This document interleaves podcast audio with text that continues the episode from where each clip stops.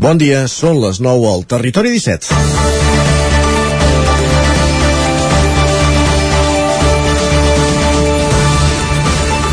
Un veí de Manlleu de 32 anys va morir ahir en un accident a la feina. Va caure en una sitja en la que estava treballant en una empresa de pinços del polígon Malloles de Vic. No va ser l'única víctima d'ahir en tràgiques circumstàncies a les nostres comarques. Al matí, un jove de Sabadell de 21 anys va morir en un sinistre viari a la C-59 a Sant Feliu de Codines. Des d'aquí ens sumem a les mostres de condol a les famílies i amics de les víctimes. Dit això, volem incidir en una carretera. La C-59, que semblança de l'R3, no deixa de ser notícia. Mala notícia dia sí i dia també. Una carretera que comença estreta i revirada a la frontera del Lluçanès i el Moianès i que es va estirant conforme entre el Vallès Oriental i desemboca Mollet. Una carretera d'un sol sentit de circulació i on són habituals les retencions, les topades frontals i les sortides de via una carretera per la que el territori reivindica actuacions urgents a través dels ajuntaments o la plataforma C59 Segura i per la qual el projecte de pressupostos de la Generalitat del 2022 s'hi preveu una inversió de 5,7 milions per l'any vinent. Tant de bo s'executin el més aviat possible, perquè sí, val més tard que mai, però com ens demostra el dia a dia, en aquest cas, anem molt tard. Dimarts, 23 de novembre de 2021. Benvinguts al Territori 17, a la sintonia d'Ona Codinenca, la veu de Sant Joan, Ràdio Cardedeu, Ràdio Vic, el 9 FM i el 9 TV. Territori 17, amb Isaac Moreno i Jordi Sunyer.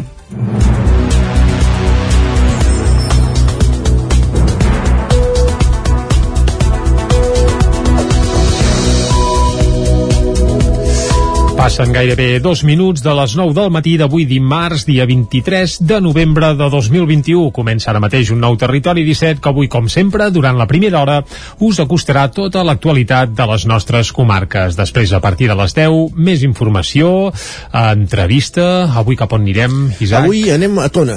Pensa que ja estan celebrant la festa major d'hivern. És veritat. En honor a Sant Andreu. Uh mhm. -huh. I que el cap de setmana, dissabte, per ser més concrets, si tot ho permet, diguem-ne meteorologia, diguem-ne mesures Covid, s'hi ha de celebrar també una nova edició de la Fira Joc Joc, que com a novetat aquest any no es fan diumenge, sinó que es fan dissabte. Doncs estarem al cas de tots els detalls d'aquesta clàssica, en, parlarem amb la, en parlarem amb la regidora i tenent d'alcalde de l'Ajuntament de Tona, Judit Sardà. Fantàstic, doncs això farem uh, aproximadament cap a un quart d'onze del matí, després a dos d'onze arribaran les piulades amb en Guillem Sánchez, taula de redacció, i avui música, i posarem música, eh, abans de les 11. Ens visitarà l'Arnau Jaumira que ens acostarà alguna novetat discogràfica en català, d'aquelles ja de, per anar esmolant les eines de cara a Nadal, que sempre és un bon regal regalar música.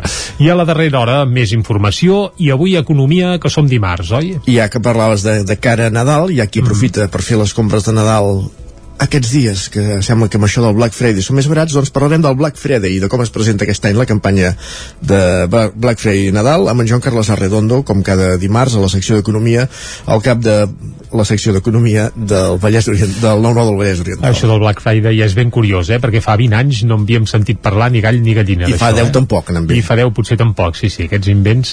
Uh, però vaja, en sabrem els detalls amb en Joan Carles i avui, com que és dimarts, acabarem anant amb tren com cada dia i amb el racó de pensar amb la Maria López. Correcte. Uh, una setmana més amb aquest espai dedicat a l'educació que tanca el territori 17 cada dimarts. Doncs ara que ja sabem què hem de fer, ja tenim la guia, tenim el far, doncs és el moment de arrencar i com sempre ho fem acostant-vos l'actualitat de casa nostra, de casa vostra, l'actualitat de les comarques del Ripollès, Osona, el Moianès i el Vallès Oriental. Osona és la tercera comarca de Catalunya en el, on el règim franquista va realitzar més judicis sumaríssims, més judicis sumaríssims, volem dir. I dissabte la Generalitat va lliurar els documents de nulitat de judicis franquistes a 45 famílies vinculades amb el poble de Taradell en un acte presidit per la consellera de Justícia, Lourdes Ciuró. 45 persones vinculades amb Taradell van viure en primera persona els estralls dels judicis sumaríssims, l'eina que els tribunals franquistes van utilitzar per empresonar i en molts casos executar a persones pels seus ideals ideals. Dissabte, part dels seus familiars van participar a les jornades de la memòria democràtica d'Osona, que van tenir lloc a l'Espai Cultural Can Costa i Font de Taradell. És el cas, per exemple, de la Marta i l'Elisenda Soler, netes de l'exalcalde de Taradell, Ramon Blasi, afusellat al Camp de la Bota el 26 de maig de 1939 per les seves idees republicanes. Escoltem a Elisenda Soler. No va voler marxar perquè va pensar que mm, no, tenia, no havia fet cap mal o sigui, no, no hi havia cap delicte de sang a les seves mans i llavors li havien algun amic, sí, el metge en concret de Taradell, el metge li havia dit, li havia dit, sí. més val que te'n vagis perquè... I però va dir jo, per què? Si no he fet res però el van matar al cap de poc, el van agafar al març i al maig el van matar. Quan Blasi va ser detingut, el bisbat de Vic va enviar una carta avalant la seva trajectòria, un escrit però que va arribar hores després de la seva execució. Ho recorda la seva neta Marta Soler. L'havien portat primer a la presó de Vic, després a Barcelona, a la Model, i, bueno, i al final un judici que d'aquest sumaríssim que, que, bueno, que em sembla que l'endemà li va venir l'ordre de que, com ne diuen, de... La connotació de la Exacte, pena. la connotació, però ja, ja estava, era l'endemà o al cap de dos dies va venir la condició de la pena, però ja, ja no hi va ser temps. Les germanes Blasi, com la resta de famílies, van rebre de mans de la consellera de Justícia, Lourdes Ciuró, el document que acredita la nulitat de les sentències emesi, emeses pel règim franquista. Escoltem a Lourdes Ciuró. Avui a Taradell, doncs, volem reparar, si és que mai es pot arribar a reparar tanta injustícia, uns fets que mai s'haguessin hagut de produir. I ho fem amb vostès, les famílies d'aquelles víctimes a qui restaurem la seva dignitat i la seva memòria. Una reparació que també cal dir-ho, no hauria d'haver tardat tant. Però a més, no volem que aquest sigui un acte només de memòria, volem que sigui també de denúncia del nostre present. A Catalunya, el règim franquista va realitzar més de 69.000 judicis sumaríssims i d'aquests 1.700 sentències feien referència a persones d'Osona, la tercera comarca del Principat amb més causes obertes per darrere del Barcelonès i el Segrià. Ho dèiem a la portada, un veí de Manlleu de 32 anys va morir ahir en un accident laboral en una empresa de pinços de Vic. Els fets van passar pels vols de dos quarts de dotze del migdia quan l'home, que era la part superior de la sitja d'una empresa de pinços del polígon Malloles fent tasques de manteniment, va caure a dins. En rebre l'alerta s'hi van desplaçar dotacions dels Mossos, professionals del sistema d'emergències mèdiques i els bombers, juntament amb un helicòpter. Els Mossos d'Esquadra de la comissaria de Vic investiguen ara les causes de l'accident i han posat els fets en coneixement del jutjat d'instrucció en funcions de Guàrdia de Vic i del Departament d'Empresa i Treball. I continuem a la pàgina de successos perquè dues persones van resultar ferides, una de caràcter greu per l'incendi dissabte a la matinada d'una autocaravana al càmping La Balma d'Espinelves. Els bombers van rebre l'avís a tres quarts de tres de la matinada de dissabte a diumenge. Un cop al càmping La Balma van aconseguir sufocar les flames que amb molta rapidesa havien cremat pràcticament del tot el vehicle i que van afectar els seus ocupants. Les dues persones que hi havia van ser traslladades a l'Hospital Vall d'Hebron de Barcelona, una de les quals amb pronòstic greu per les cremades. Un gos també va morir en l'incendi. Les primeres hipòtesis apunten que el foc s'hauria originat per un curt circuit provocat per la sobrecàrrega d'un endoll de l'autocaravana. A l'incendi van intervenir quatre dotacions dels bombers i també membres del sistema d'emergències mèdiques. L'espai natural de Sant Miquel del Fai s'inaugurarà parcialment aquesta primavera. Caral Campàs, des d'Ona Codinenca. Sant Miquel del Fai reobrirà de forma parcial aquest abril. Així ho anunciava Núria Marín, presidenta de la Diputació de Barcelona, en la seva visita aquest divendres al Vallès Oriental. Ja, ja ho anirem veient, no? però si tot es va de la forma que està previst i així ho hem parlat també avui amb els uh, alcaldes i alcaldesses doncs eh, serà sobre la primavera eh? no tenim una data tancada perquè primer el primer de tot és acabar, finalitzar les obres. Aquesta reobertura parcial és deguda a qüestions de seguretat. Segons Marín, la cova i l'ermita no es podran visitar encara perquè no estan arranjades. Únicament es podrà accedir fins a la zona de la cascada. Marín va visitar les obres del pàrquing i de Sant Miquel i posteriorment es va reunir a l'Ajuntament de Sant Feliu de Codinàs amb els tres alcaldes dels termes municipals on conflueix l'espai Sant Feliu de Codines, Vigues i Riells del FAI i Castellterçol per parlar del pla d'usos. Aquest pla el van redactar conjuntament amb les alcaldies després d'adquirir la finca fa 4 anys. Està dins d'aquest pla d'usos. Un pla d'usos que avui eh, he, he ofert la, la possibilitat als alcaldes i alcaldesses de parlar sobre el mateix i si s'ha de canviar, s'ha de modificar, s'ha de millorar estem, ah, lògicament, super disposats a fer. L'espai va ser adquirit per la Diputació l'any 2017 per 1,3 milions d'euros. Els arranjaments s'han anat endarrerint per la pandèmia, el temporal Glòria i altres qüestions com la protecció de l'àliga cuabarrada que nidifica durant sis mesos de l'any en aquella zona, endarrerint molt la posada a punt de l'espai.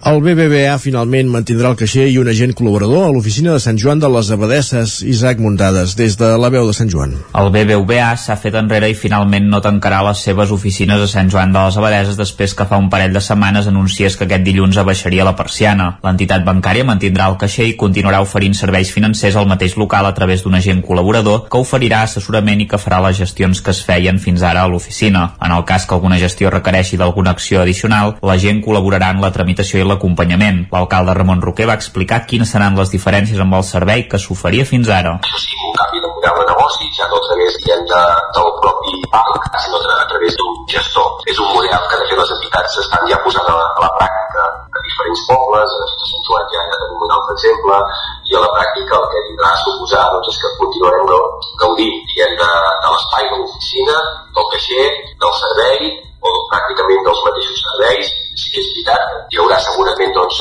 una modificació d'horaris, però bé que en tot cas de, del tot o res crec que és una, una solució que pràcticament és, és del tot i que és veritat que potser doncs, com deia hi, hi haurà una, una reducció d'horaris. No? La reconsideració del tancament va arribar pels centenars de signatures que es van recollir a través de la iniciativa impulsada per la Unió de Botiguers i l'Ajuntament i que se'ls hi va entregar pocs dies després d'iniciar la campanya. Signatures que provenien de clients de l'entitat i d'altres bancs. Les converses entre el consistori i l'entitat es van intensificar els darrers dies i sempre han estat fluides. En principi és cert que el BBVA havia estudiat la possibilitat de mantenir el caixer però s'havia decantat més pel tancament, un fet que es va capgirar en les darreres jornades. Sant Joan és un punt estratègic per les persones que van des de la vall de Camprodon a la Garrotxa fins a Ripoll o Vic i viceversa, i també compta amb força gent gran que necessita una assistència presencial.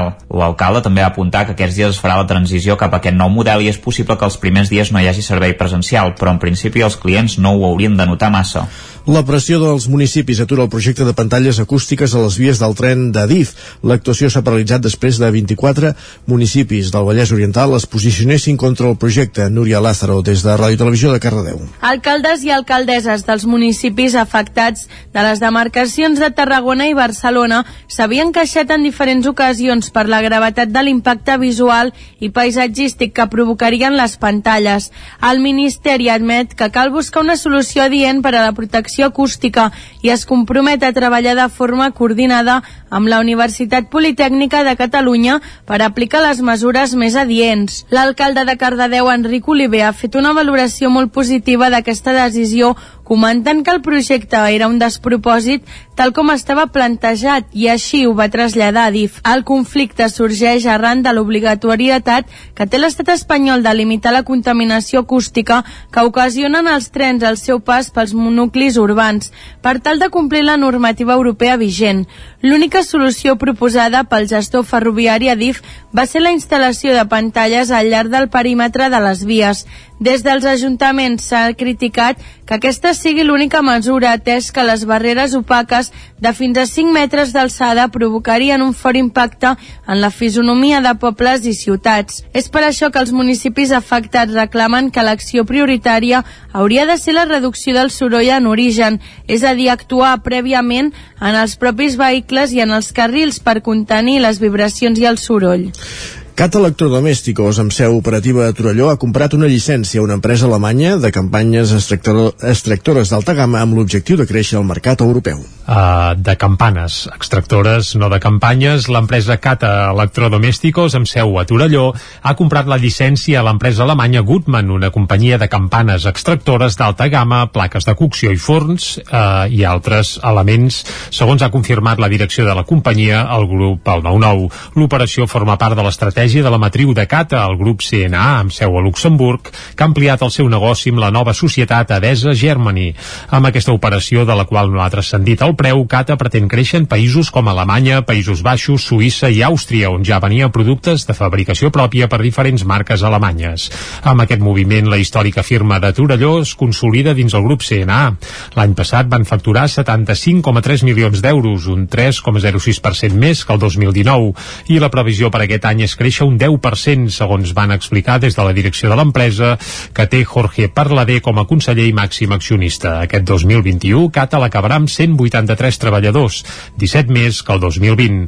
Darrerament, a més, Cata Electrodomésticos ha afegit dues noves línies de producció a les campanes extractores, plaques de cocció i forns que, ven, que venen ja a 78 països, tot i que el 68% de les vendes es concentren a l'Estat. D'una banda, ha llançat la nova gamma Flow-In, coneguda com la inducció amb extracció integrada, i també han obert una línia de purificadors que elimina virus i bacteris i esterilitza les superfícies adjacents. I la pastisseria Cors de Tona ha rebut un dels premis establiments comercials centenaris de Catalunya que anualment lliura la Generalitat. Maite Cors, l'actual propietària de l'establiment, és la quarta generació d'un negoci que inicialment va obrir pels vols de 1885 com a botiga de queviures. Aviat, i a mans del besavi de l'actual propietària, es va convertir en una pastisseria molt similar a la que és avui dia. Els prestatges de la pastisseria Cors de Tona ja llueix el guardó que els ha lliurat la Generalitat i que reconeix els 145 anys d'història de l'establiment.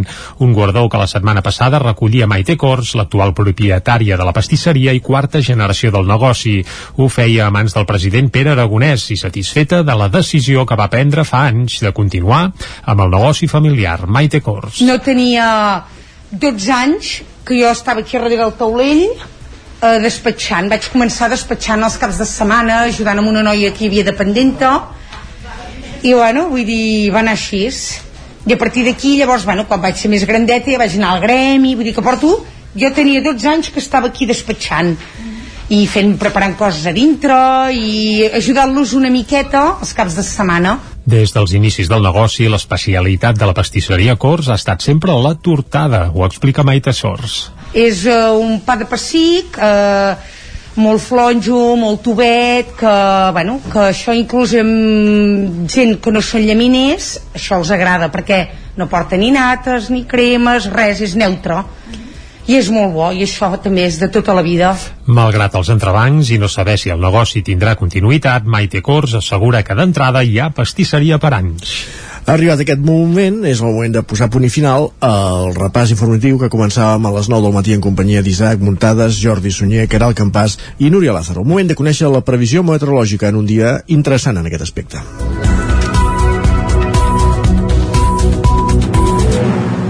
I per això ja tenim a punt, un dia més, en Pep Acosta.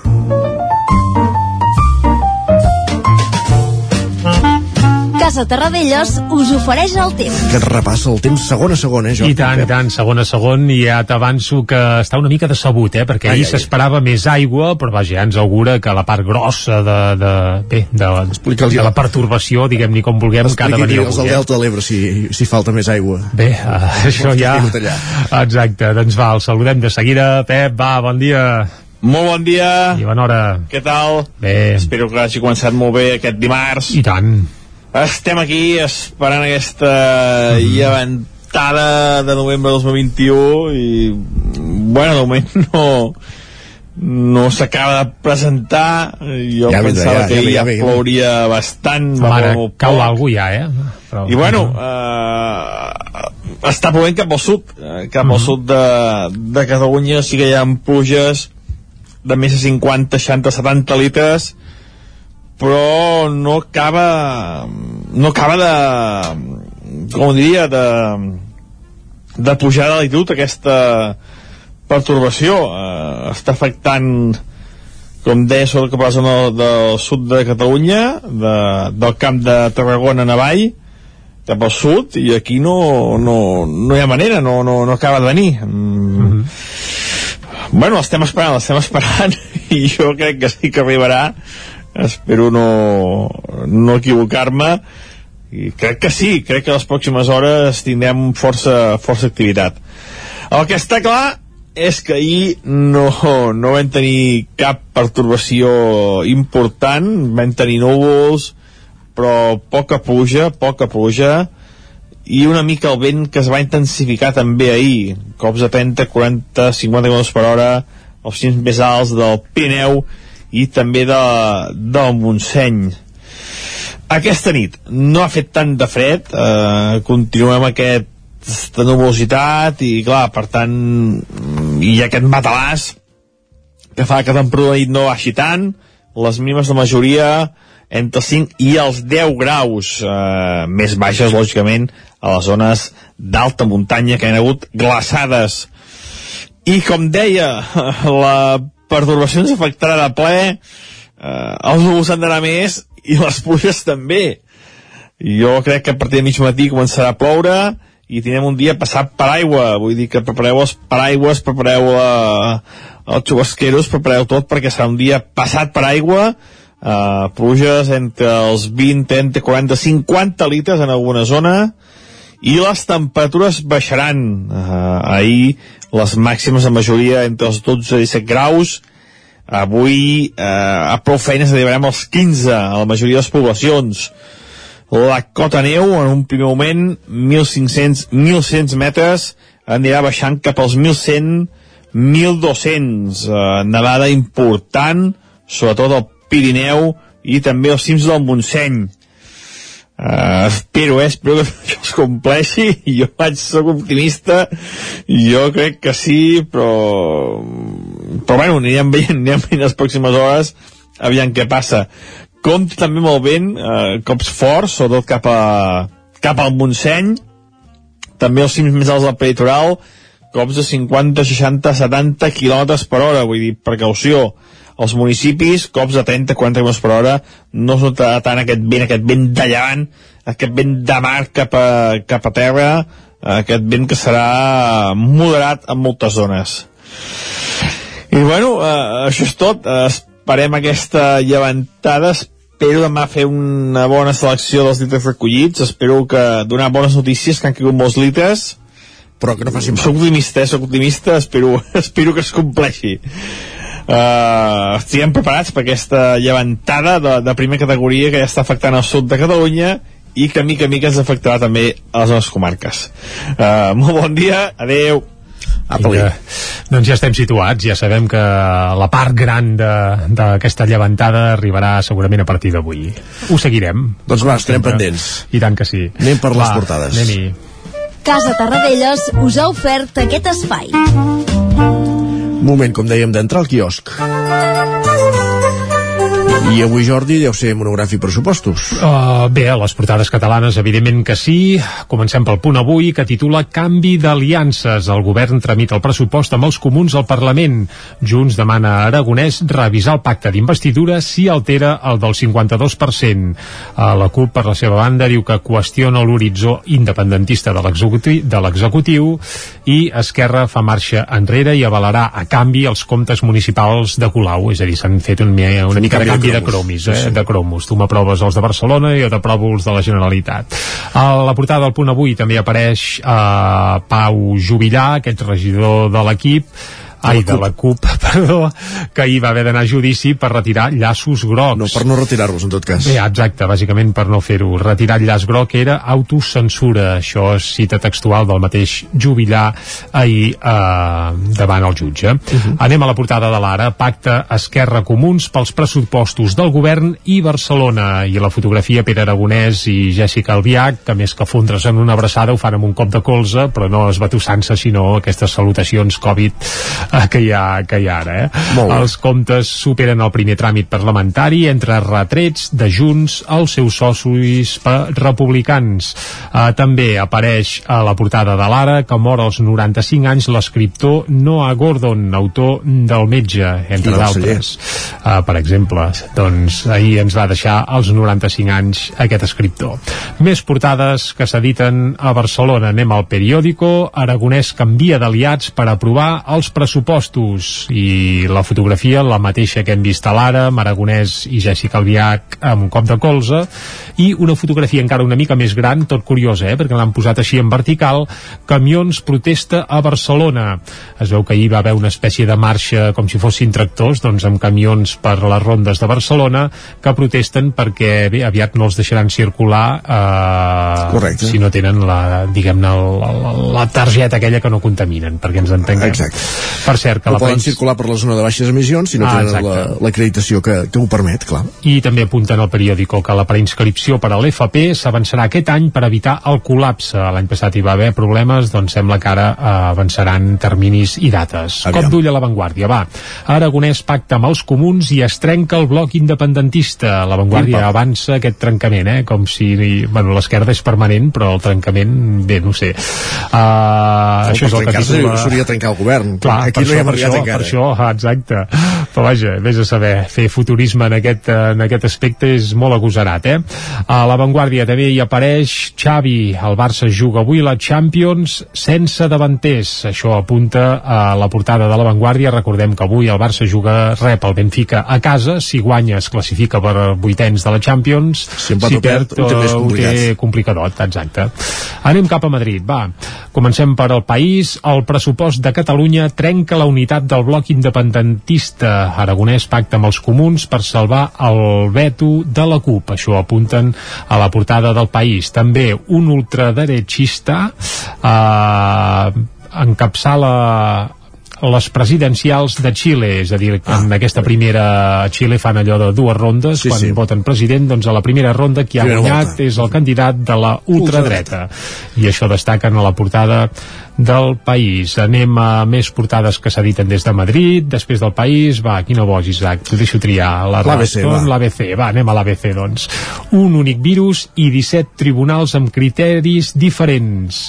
Uh, això és el que titula l'ABC i també apunten que tornen les cues davant el temor d'una nova onada. Sanitat proposa un nou semàfor Covid amb limitacions d'horaris a l'hostaleria a partir dels 100 casos. Això Bueno. és el que apunta a l'ABC i també diuen que el passaport Covid mostra el caos legal perquè, bé, perquè, El, perquè no hi ha... el, País Basc els hi han tombat. Sí, Ara, bàsicament els perquè no hi ha una legislació nacional. Galícia ho aplica, el País Basc ho paralitza i Aragó es planeja, es planteja anar al Tribunal Constitucional. És a dir, que això és...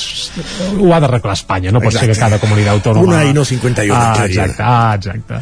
La Més qüestions. va, anem a la Razón. Renovar el Consell General del Poder Judicial, dos punts, obrim cometes, hi ha acord perquè hi hagi acord. Eh, quasi fa riure, però això és el que titulen eh, avui a la, a la Razón.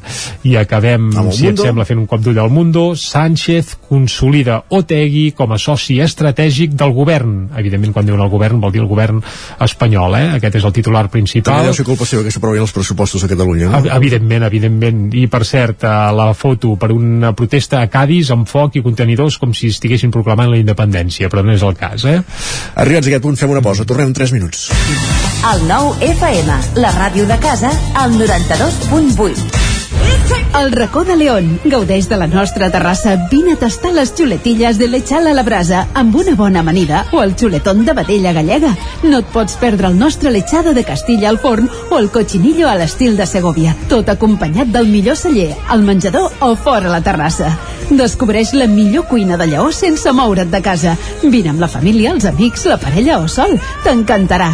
El racó de León, cuina tradicional lleonesa i de mercat. Som al carrer Torelló número 35 de Vic. Per reserves, telèfon 93 889 1950. El racó de León, una cuina diferent. Som especialistes en cargols a la llauna. Vine a tastar-los al racó de León. Vine a Autoscola Montseny. Ara és el moment de fer els cursos de teòrica intensius, ràpid i eficaç. T'informarem dels PACs, permís de moto de 16 i 18 anys i permís de cotxe. I si vens a veure'ns, tindràs un obsequi. Apunta't i no t'ho pensis més. Per més informació, Autoscola Montseny, Rambla de Vallades, número 13 de Vic. Busca'ns a Instagram i Facebook. Això és el que s'escolta al voltant d'una caldera saunia d'Oval. Tranquilitat i benestar, perquè gaudeix del millor manteniment del servei tècnic oficial per estar despreocupat. O el que vulgui. Informis a Oficiat Nord trucant al 938860040. Saunia d'Oval, sempre al seu costat. Rètols 2A. Experts en comunicació visual. Rètols, banderoles, vinils, impressió, plaques gravades, senyalització, displays... Rètols Dos Art. Ja són 25 anys al vostre servei. Ens trobareu a la carretera de Vic a Olot número 7, al polígon Malloles de Vic. dosartvic.com Telèfon 93 889 2588 Amb Pradell estalvio energia i cuido la meva butxaca i el medi ambient. Posa't en mans de Pradell, són experts en calderes de gas i condensació estufes de pèl·let, energia solar, terres radiants i geotèrmia. Pradell instal·la calderes de biomassa per a particulars i per a empreses. Si vols estalviar un 50% en consum, contacta amb Pradell i passa't a les energies renovables. Pradell som a l'Avinguda Països Catalans 27 de Vic. Telèfon 93 885 1197. Pradell.cat.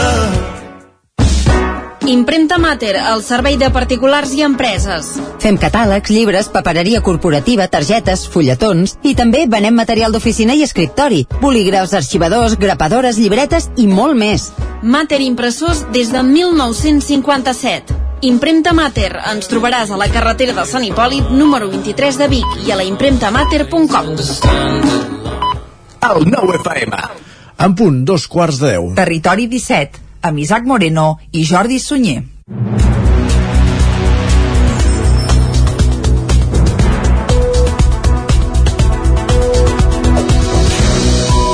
A dos quarts de deu en punt d'avui dimarts, dia 23 de novembre de 2021, el que toca és acostar-vos de seguida tota l'actualitat de casa nostra, de les nostres comarques, però ja us avancem que abans de les 10 hi posarem música. Un clàssic avui, eh? Amb Lluís Llach, mm. perquè torna, eh? Fa un concert, esporàdicament, no? Fa un concert esporàdic i ho farà acompanyat d'alguns músics de Territori 17 que repassarem de seguida. Molt bé. I això serà una bomba, eh? Jo ja, ja estic ansiós per treure el cap. Uh, clar, una Ja. de les patums de la música mundial, com és Mhm. Lluís Llach, que torni als escenaris és un, un goig pels que en som devots, evidentment. Ara ho has dit. Molt bé, va, dit això, a partir de les 10 més informació, després de l'entrevista avui anirem cap a Tona, oi? Exacte, parlarem amb la regidora Judit Cerdà, amb la regidora de Desenvolupament Local, per parlar de la Fira Joc Joc, que es farà dissabte, i de la Festa Major de Sant Andreu, que va començar al cap de setmana. Molt bé, dos quarts d'onze arribarà el moment de repassar piulades, de repassar portades del 99.cat i de la taula de redacció. I després, més música. Amb l'Arnau Jomira, que ens portarà una de les novetats de l'escena musical catalana. A partir de les 11, més informació, i avui, com que és dimarts, en Joan Carles Arredondo ens parlarà d'economia. De què ens parlarà avui? Del Black Freddy, Joan Carles Arredondo, el cap d'Economia del 9-9 del Vallès Oriental. El tindrem aquí a partir d'un quart de 12. Vinga, i com que som dimarts, acabarem anant amb tren, com cada dia, la Trenc d'Alba, i amb el racó de pensar, amb la Maria López. Des de Ràdio Televisió de Cardedeu. I tot això ho farem des d'ara mateix i fins al punt de les 12 del migdia. I el que toca arribats en aquest punt, quan passen dos minutets de dos quarts de deu, és acostar-vos, com sempre, a l'actualitat de casa nostra, l'actualitat de les comarques del Ripollès, Osona, el Moianès i el Vallès Oriental. Osona és la tercera comarca de Catalunya on el règim franquista va realitzar més judicis sumaríssims, més judicis sumaríssims, volem dir. I dissabte la Generalitat va lliurar els documents de nulitat de judicis franquistes a 45 famílies vinculades amb el poble de Taradell en un acte presidit per la consellera de Justícia, Lourdes Ciuró. 45 persones vinculades amb Taradell van viure en primera persona els estralls dels judicis sumaríssims, l'eina que els tribunals franquistes van utilitzar per empresonar i en molts casos executar a persones pels seus ideals. Dissabte, part dels seus familiars van participar a les jornades de la memòria democràtica d'Osona, que van tenir lloc a l'Espai Cultural Can Costa i Font de Taradell. És el cas, per exemple, de la Marta i l'Elisenda Soler, netes de l'exalcalde de Taradell, Ramon Blasi, afusellat al Camp de la Bota el 26 de maig de 1939 per les seves idees republicanes. Escoltem a Elisenda Soler. no va voler marxar perquè va pensar que mm, no, tenia, no havia fet cap mal, o sigui, no, havia, no hi havia cap delicte de sang a les seves mans, i llavors li havia algun amic, sí. el metge en concret de Taradell, el metge li havia dit, li havia dit sí. més val que te'n vagis perquè... I però va dir jo, per què? Si no he fet res. Però el van matar al cap de poc, el van agafar al març i al maig el van matar. Quan Blasi va ser detingut, el bisbat de Vic va enviar una carta avalant la seva trajectòria. Un escrit, però, que va arribar hores després de la seva execució. Ho recorda la seva neta Marta Soler. L'havien portat primer a la presó de Vic, després a Barcelona, a la Model, i, bueno, i al final un judici que d'aquest sumaríssim que, que, bueno, que em sembla que l'endemà li va venir l'ordre de que, com ne diuen, de... La connotació de la Exacte, pena. la connotació, però ja, ja estava, era l'endemà o al cap de dos dies va venir la connotació de la pena, però ja, ja no ja va ser temps. Les germanes Blasi, com la resta de famílies, van rebre de mans de la consellera de Justícia, Lourdes Ciuró, el document que acredita la nulitat de les sentències emesi, emeses pel règim franquista. Escoltem a Lourdes Ciuró. Avui a Taradell, doncs, volem reparar, si és que mai es pot arribar a reparar tanta injustícia, uns fets que mai s'haguessin hagut de produir. I ho fem amb vostès, les famílies d'aquelles víctimes a qui restaurem la seva dignitat i la seva memòria. Una reparació que també cal dir-ho, no hauria d'haver tardat tant. Però a més, no volem que aquest sigui un acte només de memòria, volem que sigui també de denúncia del nostre present. A Catalunya, el règim franquista va realitzar més de 69.000 judicis sumaríssims i d'aquests 1.700 sentències feien referència a persones d'Osona, la tercera comarca del Principat amb més causes obertes per darrere del barcelonès i el Segrià. Ho dèiem a la portada, un veí de Manlleu de 32 anys va morir ahir en un accident laboral en una empresa de pinços de Vic. Els fets van passar pels vols de dos quarts de 12 del migdia, quan l'home, que era la part superior de la sitja d'una empresa de pinços del polígon Malloles, fent tasques de manteniment, va caure a dins. En rebre l'alerta s'hi van desplaçar dotacions dels Mossos, professionals del sistema d'emergències mèdiques i els bombers, juntament amb un helicòpter. Els Mossos d'Esquadra de la comissaria de Vic investiguen ara les causes de l'accident i han posat els fets en coneixement del jutjat d'instrucció en funcions de Guàrdia de Vic i del Departament d'Empresa i Treball. I continuem a la pàgina de successos perquè dues persones van resultar ferides, una de caràcter greu per l'incendi dissabte a la matinada d'una autocaravana al càmping La Balma d'Espinelves. Els bombers van rebre l'avís a tres quarts de tres de la matinada de dissabte a diumenge. Un cop al càmping La Balma van aconseguir sufocar les flames que amb molta rapidesa havien cremat pràcticament del tot el vehicle i que van afectar els seus ocupants. Les dues persones que hi havia van ser traslladades a l'Hospital Vall d'Hebron de Barcelona, una de les quals amb pronòstic greu per les cremades. Un gos també va morir en l'incendi. Les primeres hipòtesis apunten que el foc s'hauria originat per un curt circuit provocat per la sobrecàrrega d'un endoll de l'autocaravana. A l'incendi van intervenir quatre dotacions dels bombers i també membres del sistema d'emergències mèdiques. L'espai natural de Sant Miquel del Fai s'inaugurarà parcialment aquesta primavera. Caral Campàs, des d'Ona Codinenca. Sant Miquel del Fai reobrirà de forma parcial aquest abril. Així ho anunciava Núria Marín, presidenta de la Diputació de Barcelona, en la seva visita aquest divendres al Vallès Oriental. Ja, ja ho anirem veient, no? però si tot es va de la forma que està previst i així ho hem parlat també avui amb els uh, alcaldes i alcaldesses doncs eh, serà sobre la primavera eh? no tenim una data tancada perquè primer el primer de tot és acabar, finalitzar les obres. Aquesta reobertura parcial és deguda a qüestions de seguretat. Segons Marín, la cova i l'ermita no es podran visitar encara perquè no estan arranjades. Únicament es podrà accedir fins a la zona de la cascada. Marín va visitar les obres del pàrquing i de Sant Miquel i posteriorment es va reunir a l'Ajuntament de Sant Feliu de Codinàs amb els tres alcaldes dels termes municipals on conflueix l'espai Sant Feliu de Codines, Vigues i Riells del FAI i Castellterçol per parlar del pla d'usos. Aquest pla el van redactar conjuntament amb les alcaldies després d'adquirir la finca fa 4 anys. Està dins d'aquest pla d'usos, un pla d'usos que avui eh, he, he ofert la, la possibilitat als alcaldes i alcaldesses de parlar sobre el mateix i si s'ha de canviar, s'ha de modificar, s'ha de millorar estem ah, lògicament super disposats a fer. L'espai va ser adquirit per la Diputació l'any 2017 per 1,3 milions d'euros. Els arranjaments s'han anat endarrerint per la pandèmia, el temporal Glòria i altres qüestions com la protecció de l'àliga cuabarrada que nidifica durant sis mesos de l'any en aquella zona, endarrerint molt la posada a punt de l'espai.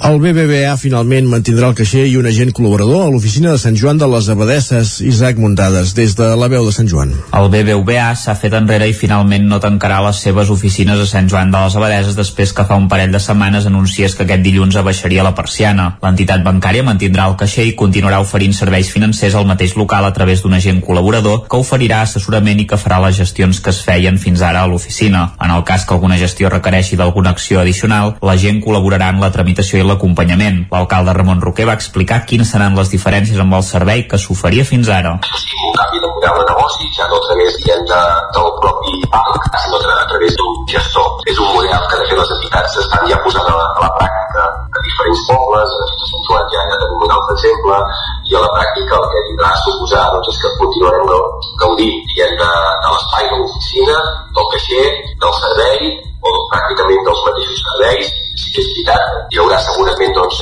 una modificació d'horaris, però bé que en tot cas de, del tot o res crec que és una, una solució que pràcticament és, és del tot, i que és veritat que potser doncs, com deia hi, hi, hi haurà una, una reducció d'horaris. No? La reconsideració del tancament va arribar pels centenars de signatures que es van recollir a través de la iniciativa impulsada per la Unió de Botiguers i l'Ajuntament i que se'ls hi va entregar pocs dies després d'iniciar la campanya, signatures que provenien de clients de l'entitat i d'altres bancs. Les converses entre el consistori i l'entitat es van intensificar els darrers dies i sempre han estat fluides. En principi és cert que el BBVA havia estudiat la possibilitat de mantenir el caixer, però s'havia decantat més pel tancament, fet que es va capgirar en les darreres jornades. Sant Joan és un punt estratègic per les persones que van des de la vall de Camprodon a la Garrotja fins a Ripoll o Vic i viceversa, i també compta amb força gent gran que necessita una assistència presencial. L'alcalde també va apuntar que aquests dies es farà la transició cap a aquest nou model i és possible que els primers dies no hi hagi servei presencial, però en principi els clients no ho haurien de notar massa.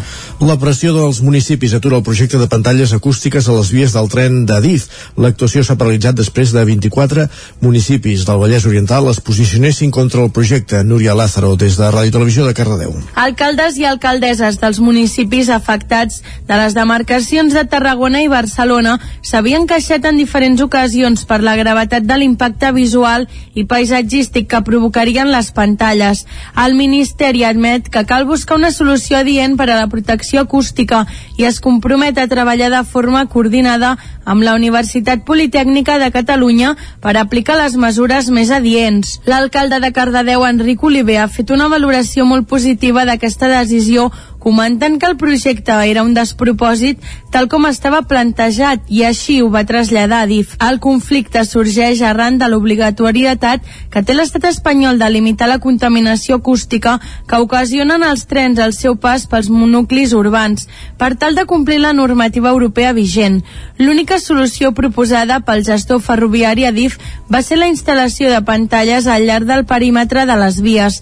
Des dels ajuntaments s'ha criticat que aquesta sigui l'única mesura atès que les barreres opaques de fins a 5 metres d'alçada provocarien un fort impacte en la fisonomia de pobles i ciutats. És per això que els municipis afectats reclamen que l'acció prioritària hauria de ser la reducció del soroll en origen, és a dir, actuar prèviament en els propis vehicles i en els carrils per contenir les vibracions i el soroll.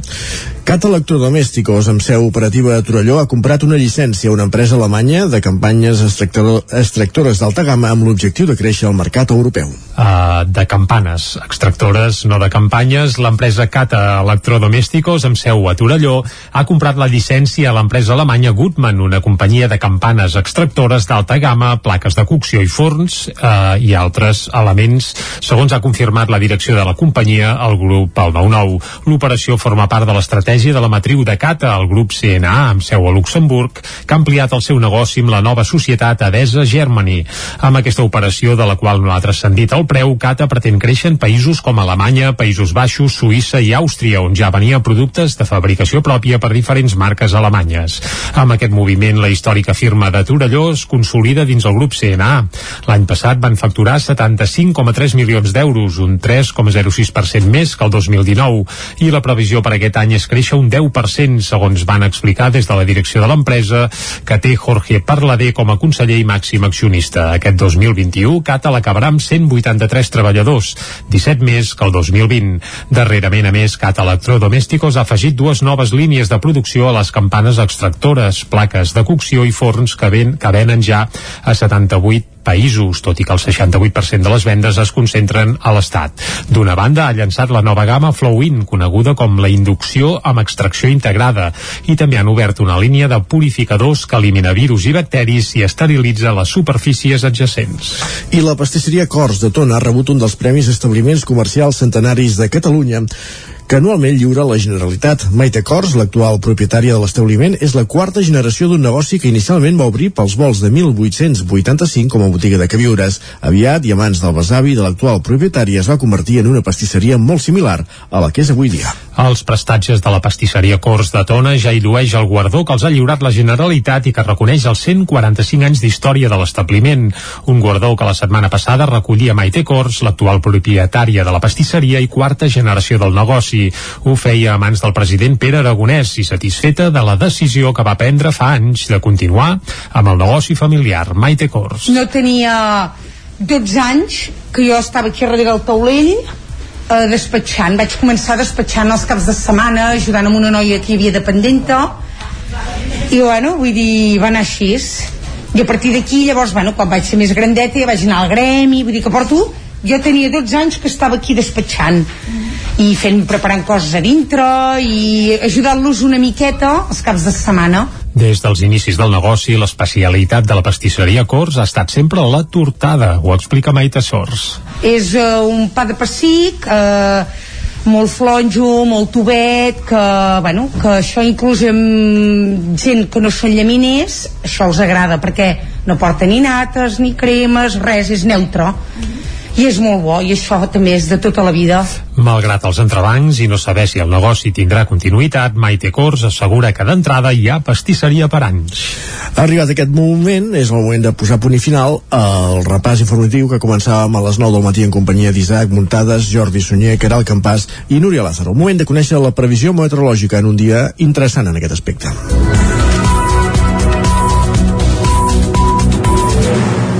I per això ja tenim a punt un dia més en Pep Acosta.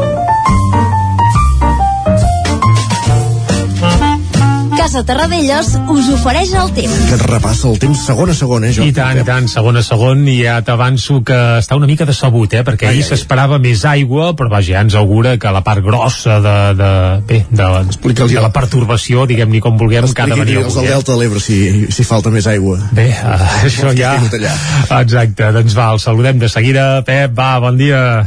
Molt bon dia. I bona hora. Què tal? Bé. Espero que hagi començat molt bé aquest dimarts. I tant. Estem aquí esperant aquesta llevantada de novembre de 2021 i, bueno, de moment no no s'acaba de presentar. Jo Ja pensava ja, que ja, ja, ja ja plouria bastant Mare, molt cau algú ja, eh?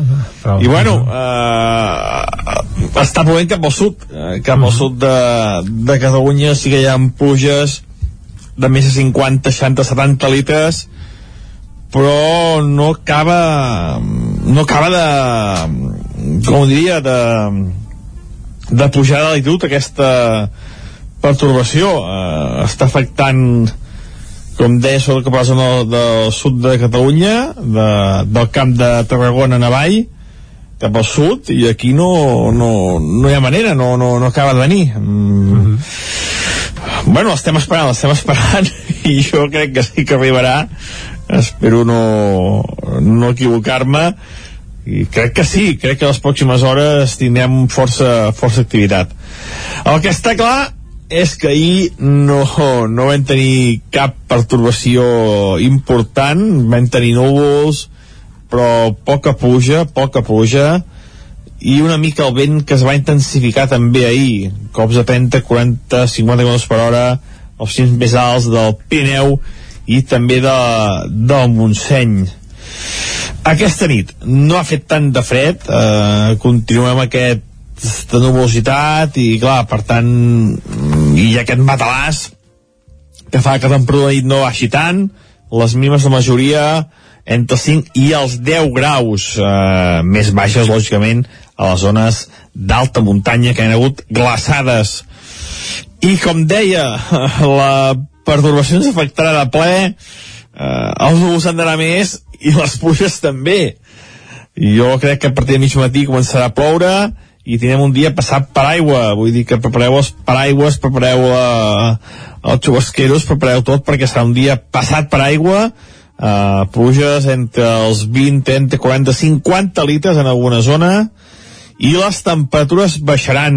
Eh, ahir les màximes de majoria entre els 12 i 17 graus. Avui eh, a prou feines arribarem als 15 a la majoria de les poblacions. La cota neu en un primer moment 1.500 1.100 metres anirà baixant cap als 1.100 1.200 eh, nevada important sobretot al Pirineu i també als cims del Montseny. Uh, espero, eh, espero que això es compleixi. Jo vaig ser optimista. Jo crec que sí però però bueno, anirem veient, anirem veient les pròximes hores aviam què passa. Compte també amb el vent eh, cops forts, sobretot cap, a, cap al Montseny. També els cims més alts del peritoral cops de 50, 60, 70 km per hora, vull dir, precaució als municipis, cops de 30, 40 km per hora, no notarà tant aquest vent, aquest vent de llevant, aquest vent de mar cap a, cap a terra, aquest vent que serà moderat en moltes zones. I bueno, eh, això és tot. Esperem aquesta llevantada, espero demà fer una bona selecció dels litres recollits, espero que donar bones notícies, que han caigut molts litres, però que no facin soc optimista, eh? soc optimista espero, espero que es compleixi uh, estiguem preparats per aquesta llevantada de, de primera categoria que ja està afectant el sud de Catalunya i que mica a mica es afectarà també a les nostres comarques uh, molt bon dia, adeu Vinga, doncs ja estem situats, ja sabem que la part gran d'aquesta llevantada arribarà segurament a partir d'avui. Ho seguirem. Doncs va, estarem pendents. I tant que sí. Anem per les portades. Anem-hi. Casa Tarradellas us ha ofert aquest espai. Moment, com dèiem, d'entrar al quiosc. I avui, Jordi, deu ser monogràfic pressupostos. Uh, bé, a les portades catalanes, evidentment que sí. Comencem pel punt avui, que titula Canvi d'aliances. El govern tramita el pressupost amb els comuns al Parlament. Junts demana a Aragonès revisar el pacte d'investidura si altera el del 52%. Uh, la CUP, per la seva banda, diu que qüestiona l'horitzó independentista de l'executiu i Esquerra fa marxa enrere i avalarà a canvi els comptes municipals de Colau. És a dir, s'han fet una, una mica de canvi de cromis, eh? de cromos. Tu m'aproves els de Barcelona i jo t'aprovo els de la Generalitat. A la portada del punt avui també apareix eh, Pau Jubillar, aquest regidor de l'equip, ai, de la CUP, perdó, que ahir va haver d'anar a judici per retirar llaços grocs. No, per no retirar-los, en tot cas. Ja, exacte, bàsicament per no fer-ho. Retirar el llaç groc era autocensura. Això és cita textual del mateix jubilar ahir eh, davant el jutge. Uh -huh. Anem a la portada de l'Ara. Pacte Esquerra Comuns pels pressupostos del govern i Barcelona. I la fotografia Pere Aragonès i Jessica Albiach, que més que fondre's en una abraçada ho fan amb un cop de colze, però no esbatussant-se, sinó aquestes salutacions Covid que, hi ha, que hi ha ara. Eh? Els comptes superen el primer tràmit parlamentari entre retrets de Junts als seus socis republicans. Eh, també apareix a la portada de l'Ara que mor als 95 anys l'escriptor Noah Gordon, autor del metge, entre d'altres. Uh, per exemple, doncs ahir ens va deixar als 95 anys aquest escriptor. Més portades que s'editen a Barcelona. Anem al periòdico. Aragonès canvia d'aliats per aprovar els pressupostos i la fotografia, la mateixa que hem vist a l'ara, Aragonès i Jessica Albiach amb un cop de colze i una fotografia encara una mica més gran, tot curiosa, eh? perquè l'han posat així en vertical, camions protesta a Barcelona. Es veu que ahir va haver una espècie de marxa com si fossin tractors, doncs amb camions per les rondes de Barcelona que protesten perquè bé, aviat no els deixaran circular eh, Correcte. si no tenen la, diguem-ne, la, la, la targeta aquella que no contaminen, perquè ens entenguem. Exacte. Per cert, que no la poden circular per la zona de baixes emissions si no Ah, tenen exacte. la- l'acreditació que, que ho permet, clar. I també apunten al periòdico que la preinscripció per a l'FP s'avançarà aquest any per evitar el col·lapse. L'any passat hi va haver problemes, doncs sembla que ara eh, avançaran terminis i dates. Aviam. Cop d'ull a l'avantguàrdia, va. Aragonès pacta amb els comuns i es trenca el bloc independentista. L'avantguàrdia avança aquest trencament, eh? com si bueno, l'esquerda és permanent, però el trencament, bé, no sé. Uh, això és el que trencar-se titula... s'hauria de trencar el govern. Clar, Aquí per no hi hem per això, encara. Per això, ah, exacte. Però vaja, vés a saber, fer futurisme en aquest, en aquest aspecte és molt agosarat, eh? A l'avantguàrdia també hi apareix Xavi, el Barça juga avui la Champions sense davanters. Això apunta a la portada de l'avantguàrdia. Recordem que avui el Barça juga, rep el Benfica a casa, si guanya es classifica per vuitens de la Champions, Si empat o perd, ho té més eh, té complicadot, exacte. Anem cap a Madrid, va. Comencem per al país. El pressupost de Catalunya trenca la unitat del bloc independentista. Aragonès pacta amb els comuns per salvar el veto de la CUP. Això apunten a la portada del país. També un ultraderechista eh, encapçala les presidencials de Xile, és a dir, que en aquesta primera a Xile fan allò de dues rondes, Sí, quan sí. voten president, doncs a la primera ronda qui ha guanyat volta. és el candidat de la ultradreta i això destaquen a la portada del país. Anem a més portades que s'editen des de Madrid, després del país, va, quina vols, Isaac, t'ho deixo triar. La L'ABC, Razón, va. L'ABC, va, anem a l'ABC, doncs. Un únic virus i 17 tribunals amb criteris diferents. Uh, això és el que titula l'ABC i també apunten que tornen les cues davant el temor d'una nova onada. Sanitat proposa un nou semàfor Covid amb limitacions d'horaris a l'hostaleria a partir dels 100 casos. Això és el que apunta a l'ABC i també diuen que el passaport Covid mostra el caos legal perquè, bé, per, que, per, perquè no hi ha... El País Basc els han tombat. Sí, Ara, bàsicament els perquè no hi ha una legislació nacional. Galícia ho aplica, el País Basc ho paralitza i Aragó es planeja, es planteja anar al Tribunal Constitucional. És a dir, que això és... ho ha d'arreglar Espanya, no pot Exacte. ser que cada comunitat autònoma... Una i no 51. Ah, que exacte, ah, exacte. La Més razón, qüestions. va, anem a la razón. Renovar el Consell General del Poder Judicial, dos punts, obrim cometes, hi ha acord perquè hi hagi acord. Eh, quasi fa riure, però això és el que titulen eh, avui a la, a la Razón. I acabem, si et sembla, fent un cop d'ull al Mundo. Sánchez consolida Otegui com a soci estratègic del govern. Evidentment, quan diuen el govern, vol dir el govern espanyol, eh? Aquest és el titular També principal. deu ser culpa seva que s'aprovin els pressupostos a Catalunya. Ev- Evidentment, evidentment. I per cert, eh, la foto per una protesta a Cádiz amb foc i contenidors com si estiguessin proclamant la independència, però no és el cas, eh? Saps què et dic, Jordi? Jo arribats a aquest punt gairebé prefereixo posar-hi música. Va, doncs posem-hi música i a més avui que portem aquí mm, obra d'art. vaja, exacte, estem a primeríssima no divisió, sinó això ja és Champions Intergalàctica. Escoltarem uh, El núvol blanc de Lluís Llach, segurament una de les millors cançons que s'han escrit durant el segle XX. Bé, això eh, contra gustos no hi ha res escrit i a més n'escoltarem una versió on també hi canta doncs la santallenca Gemma Humet. I per què escoltarem aquesta versió? Doncs perquè el dia 18 de desembre, el dissabte, a partir de dos quarts de nou del vespre, Lluís Llach reapareixerà en un concert al Palau Sant Jordi de Barcelona. Si esteu, eh, bé, si formeu part del debat constituent, doncs ja podeu treure les entrades des d'ara mateix, si no a partir del 29 de novembre, i serà un concert únic, on Lluís Llach eh, no actuarà sol, bé, sí que bàsicament serà cançons de Lluís Llach, eh, però tindrà algunes col·laboracions d'autèntic luxe. Hi haurà el Joan Reig dels Pets, el Joan Dausà, la Su, el Nacho Terrets de Gossos, i per exemple, dins de casa nostra hi haurà la Ju, la Judit Puigdomènech, també la Gemma Humet, també col·laborarà amb els Lluís Llach, i també els Catarres, també seran en aquest concert al costat de Lluís Llach, i bé, per anar esmolant les eines i anar-nos preparant i salivant, doncs el que farem Sento ara... el Santi Balmes de fons, eh? Uh, també, també, uh, tot i que el Santi Balmes sembla, en principi de moment no s'ha anunciat, eh, que el 18 de desembre no hi serà, deu tenir feina amb els Love of Lesbian, però vaja, el I que la, I escoltem... la Judit Nederman també en aquesta peça o només... I també, també apareix en aquesta peça, sí, sí, també apareix. Clar, recordem que el que escoltem ara és la versió que en van gravar per la campanya Jo em corono, Correcte. aquella famosa campanya que durant el confinament doncs, va fer que Lluís Llach també ressuscités per, per fer una nova versió del. Núvol Blanc, ja l'escoltem cantar i fins al punt de les 10 ens quedem amb aquesta cançonassa que el 18 de desembre segurament escoltarem en directe al Palau Sant Jordi. Salut! Ara em deixis jo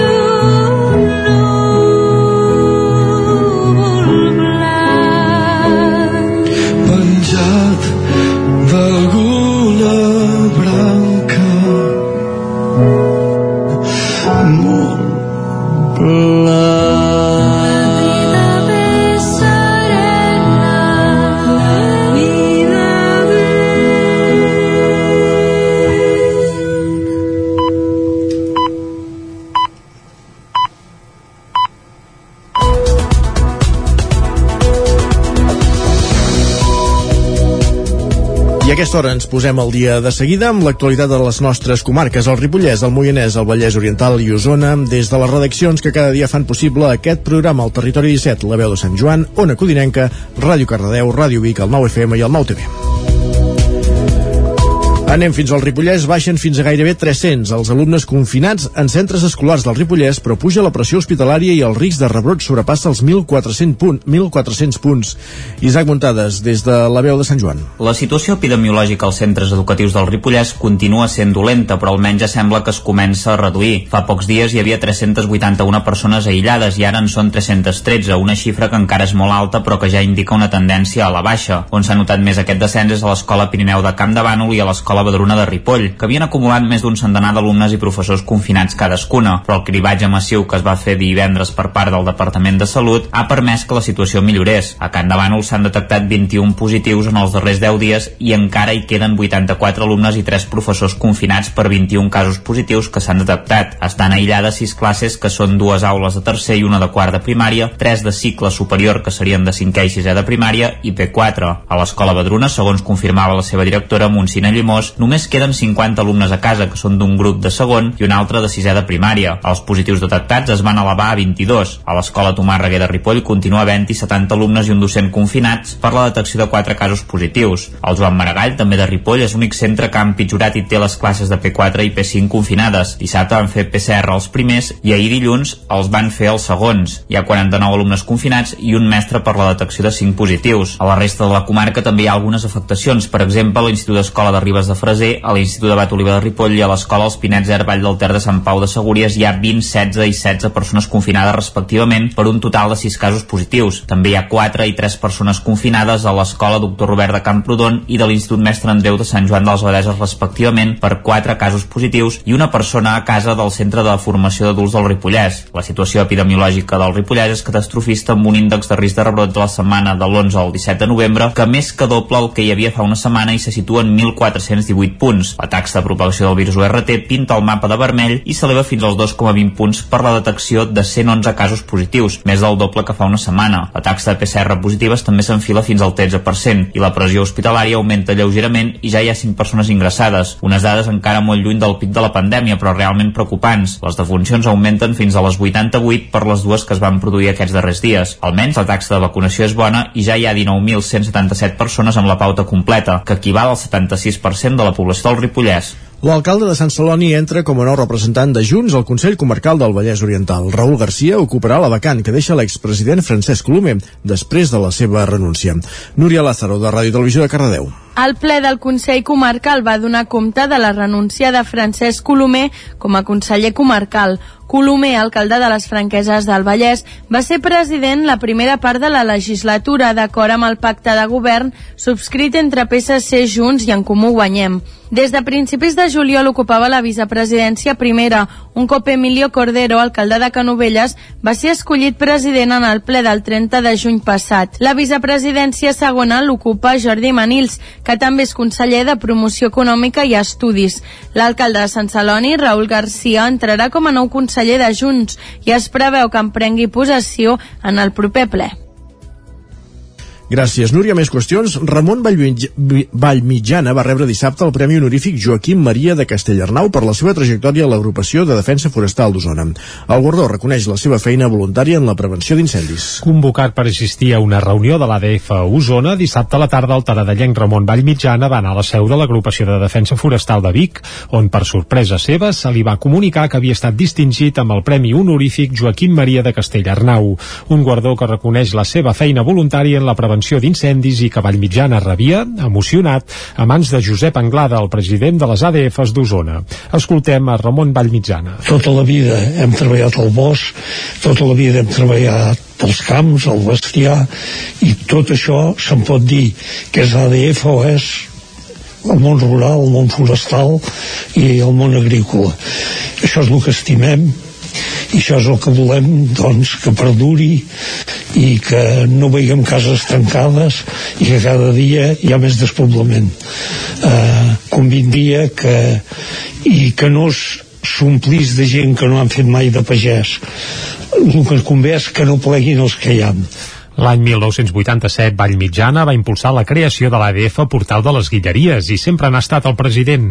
També va ser l'impulsor de la primera Federació Comarcal d'ADFs a Catalunya amb la creació de la Federació d'Osona el 1997, una entitat que va presidir durant 19 anys. Dissabte, al seu discurs d'agraïment, Vallmitjana també va tenir temps per fer reivindicacions. Avui m'han dat un premi i ahir em van trucar que ens retallen el que hem de pagar a les assegurances dels vehicles. Mm, no entenem. Vall Mitjana també va convidar els joves a participar de les ADFs i és que un dels principals problemes que tenen les agrupacions és la manca de relleu generacional. Caldes de Montbui inaugurarà la nova plaça Catalunya aquest diumenge, després de setmanes de reformes. Caral Campàs, des d'Ona Codinenca. La remodelació de la plaça Catalunya i els carrers Rector Alemany i Sant Pau està pràcticament enllestida i ja té data d'inauguració. Serà aquest dissabte 27 de novembre a dos quarts de sis de la tarda. L'alcalde Isidre Pineda i la consellera de Presidència de la Generalitat Laura Vilagrà, presidiran l'acte que estarà obert a la ciutadania i tindrà la participació també d'alumnes de l'Escola Municipal de Música Joan Valls. D'altra banda, durant la inauguració es descobrirà el mosaic que s'ha incorporat a la plaça, obra de l'artista Carme Domenjó Miquel. La nova plaça Catalunya és un espai obert que inclou tres elements característics. Les llambordes formant tres cercles centrals, ara més grans que abans, els bancs de formes sinuoses als laterals que s'han recuperat i embellit i l'escultura de Sebastià Badia dedicada a la gent gran. Pel que fa als carrers Sant Pau i Rector Alemany, s'han incorporat arbres i mobiliari urbà i s'hi garanteix la mobilitat i l'accessibilitat segura amb una priorització de l'espai destinat al vianant i l'eliminació del trànsit de vehicles. Les barreres arquitectòniques desapareixen de tota aquesta zona, igual que les connexions aèries de serveis i també desapareix la cruïlla entre Sant Pau i Rector Alemany que presentava complexitat pel trànsit rodat i el paviment deteriorat la producció nord-americana After Antarctica sobre les experiències a l'Àrtic de l'explorador Will Steger ha guanyat el 39è Festival BBVA de Cinema de Muntanya de Torelló. El festival ha recuperat la presencialitat després que la 38a edició fos pràcticament to del tot virtual, però ha mantingut un format híbrid amb l'opció de veure les pel·lícules en línia que encara està oberta. After Antàrtica, producció americana de la realitzadora Tasha Banzan, es van dur a la Flor de Neu d'Or del 39è Festival BBVA de Cinema de Muntanya de Torelló. El jurat en va ressaltar el poder cinematogràfic amb un muntatge d'imatges del retorn de l'explorador Will Steger sobre el gel de l'Àrtic i de l'expedició històrica que hi va liderar el 1989. Banzan, que és a l'Antàrtida, va agrair el premi amb un correu electrònic. I en l'any que el Pol Sud ha estat l'eix temàtic del festival, un altre dels premis principals, el del millor film d'esports de muntanya, també va ser per un film dedicat al sisè continent, Antàrtica, Montrez de l'extrem sud. El retrat del de la comunitat xerpa que fa d'Icefall Doctor ha obtingut el premi a millor pel·lícula de muntanya, Holy Bed, el guardó al millor film de cultura de muntanya, Contagion, el millor guió i Songs of, i Songs of the Water Spirits, el premi a la millor fotografia. El reconeixement del vot popular va ser per Mount Logan. La majoria de premiats van agrair el guardó a través de vídeos en la gala de clausura del festival que es va fer dissabte. Sí que el van recollir presencialment Vanessa Freixa i Pepe Camps, coautors del No a l'Os, considerat el film que millor ressalta la defensa dels espais naturals. Escoltem a Vanessa Freixa. Esperem que hem pogut aportar nous arguments per evolucionar en aquests debats que a més a més són o acostumen a ser molt encesos però que demanen de coneixement més profund entorn la realitat no?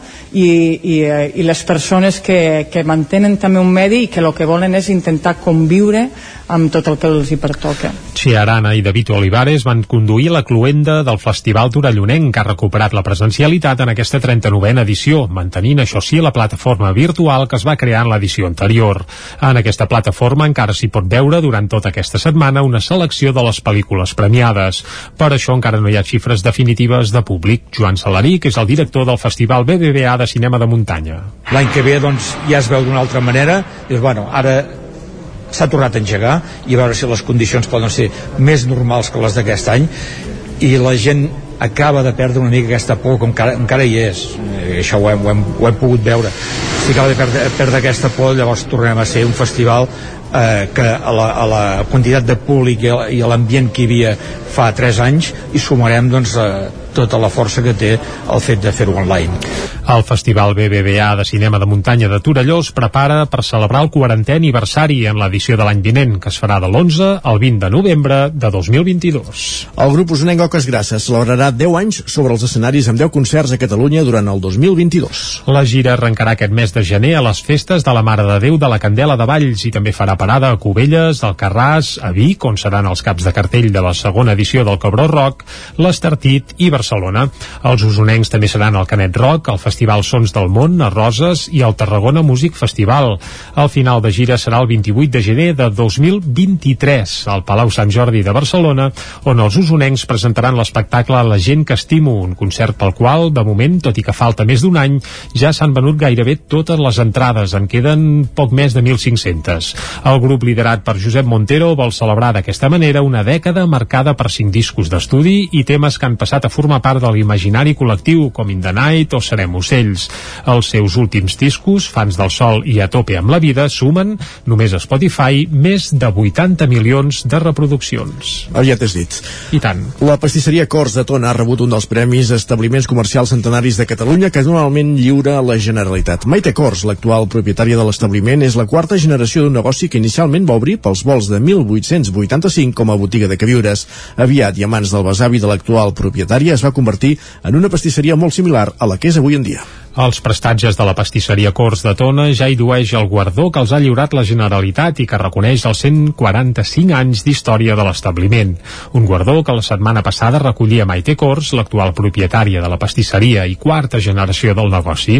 Ho feia de mans del president Pere Aragonès i satisfeta de la decisió que va prendre ja fa anys de continuar amb el negoci familiar. Escoltem a Maite Cors. No tenia 12 anys que jo estava aquí darrere del taulell eh, despatxant, vaig començar despatxant els caps de setmana, ajudant amb una noia que hi havia dependenta i bueno, vull dir, va anar així. I a partir d'aquí llavors, bueno, quan vaig ser més grandeta ja vaig anar al gremi, vull dir que porto jo tenia 12 anys que estava aquí despatxant.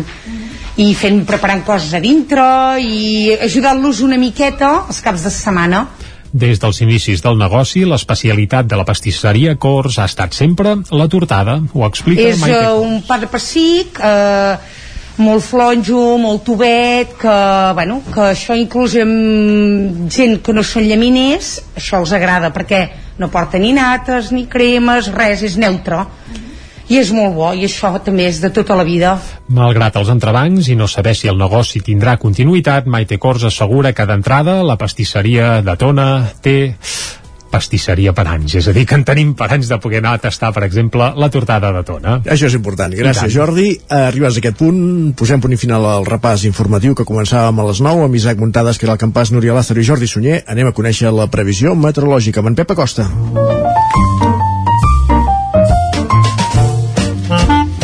Casa Terradellos us ofereix el temps. I a primera hora en Pep Acosta ja l'hem escoltat, estava una mica decebut, entre cometes, per l'arrencada d'aquesta pertorbació, que de moment, almenys a territori 17, no ha deixat gaire aigua, però ja ens augurava que la part gruixuda, la part generosa, les principals precipitacions han d'arribar a partir d'aquest migdia. Això ens ho deia a primera hora, oi, Isaac? És I, així. I ara el tornarem a, a demanar, li direm bon dia de nou i que ens expliqui doncs això, com es preveu que evolucioni el dia i aquesta pertorbació que ja tenim al cim. Molt bon dia, Pep. Molt bon dia. Va. Jo crec que a partir de mig matí començarà a ploure Aviam, i aviam, un dia doncs. passat per aigua. Vull dir que prepareu els paraigües, prepareu la, els xubasqueros, prepareu tot perquè serà un dia passat per aigua. Doncs ho preparem Eh, tot, Pluges entre els 20, 30, 40, 50 litres en alguna zona Uh -huh. i les temperatures baixaran. Uh, ahir les màximes la majoria entre els 12 i 17 graus, avui eh, a prou feines arribarem als 15 a la majoria de les poblacions la cota neu en un primer moment 1.500 1.100 metres anirà baixant cap als 1.100 1.200 eh, nevada important sobretot al Pirineu i també als cims del Montseny. Uh, espero, eh, espero que això es compleixi. Jo vaig ser optimista jo crec que sí però però bueno, anirem veient, anirem veient les pròximes hores aviam què passa. Compte també amb el vent eh, cops forts, sobretot cap, a, cap al Montseny també els cims més alts del peritoral cops de 50, 60, 70 km per hora. Vull dir, precaució. Als municipis, cops de 30-40 km per hora, no es nota tant aquest vent, aquest vent de llevant, aquest vent de mar cap a, cap a terra, aquest vent que serà moderat en moltes zones. I bueno, eh, això és tot. Esperem aquesta llevantada, espero demà fer una bona selecció dels litres recollits, espero que donar bones notícies, que han caigut molts litres, soc optimista, eh? soc optimista, espero, espero que es compleixi. Aviam, aviam. Uh, estiguem preparats per aquesta llevantada de, de primera categoria que ja està afectant el sud de Catalunya i que mica a mica ens afectarà també a les nostres comarques. Uh, molt bon dia i fins demà. Adeu. Vinga, Adéu. exacte. Uh, tens el paraigua a punt, eh, Isaac? Sí, sí, sí, al final no, no s'ha quedat a casa avui. Val, doncs molt ben fet. Eh, No sabem si el cap de setmana encara durarà aquesta perturbació, però vaja, la Fira de Joc Joc de Tona esperem que no hagi de patir per les inclemències Ara en meteorològiques. parlarem. De seguida en parlem i en coneixem tots els detalls. Anem-hi, va. Doncs som-hi. Casa Tarradellas us ha ofert aquest espai. Territori 17. Envia'ns les teves notes de veu per WhatsApp al 646 079 023. 646 079 023. WhatsApp Territori 17.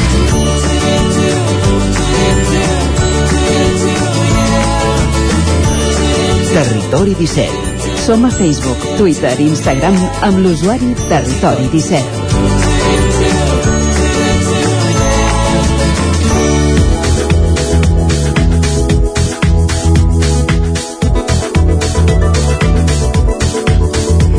Passen pràcticament dos minuts d'un quart d'onze del matí, moment, com dèiem a aquesta hora, de parlar de la Fira de Joc Joc. Tona està immersa en la celebració de la Festa Major d'hivern, que es dedica a Sant Andreu, i que enguany està marcada per dos aniversaris, els 25 anys de la sala a la Canal i els 20 de la Fira Joc Joc, un certamen dedicat al joc i la joguina, diferents, i que enguany arriba amb novetats.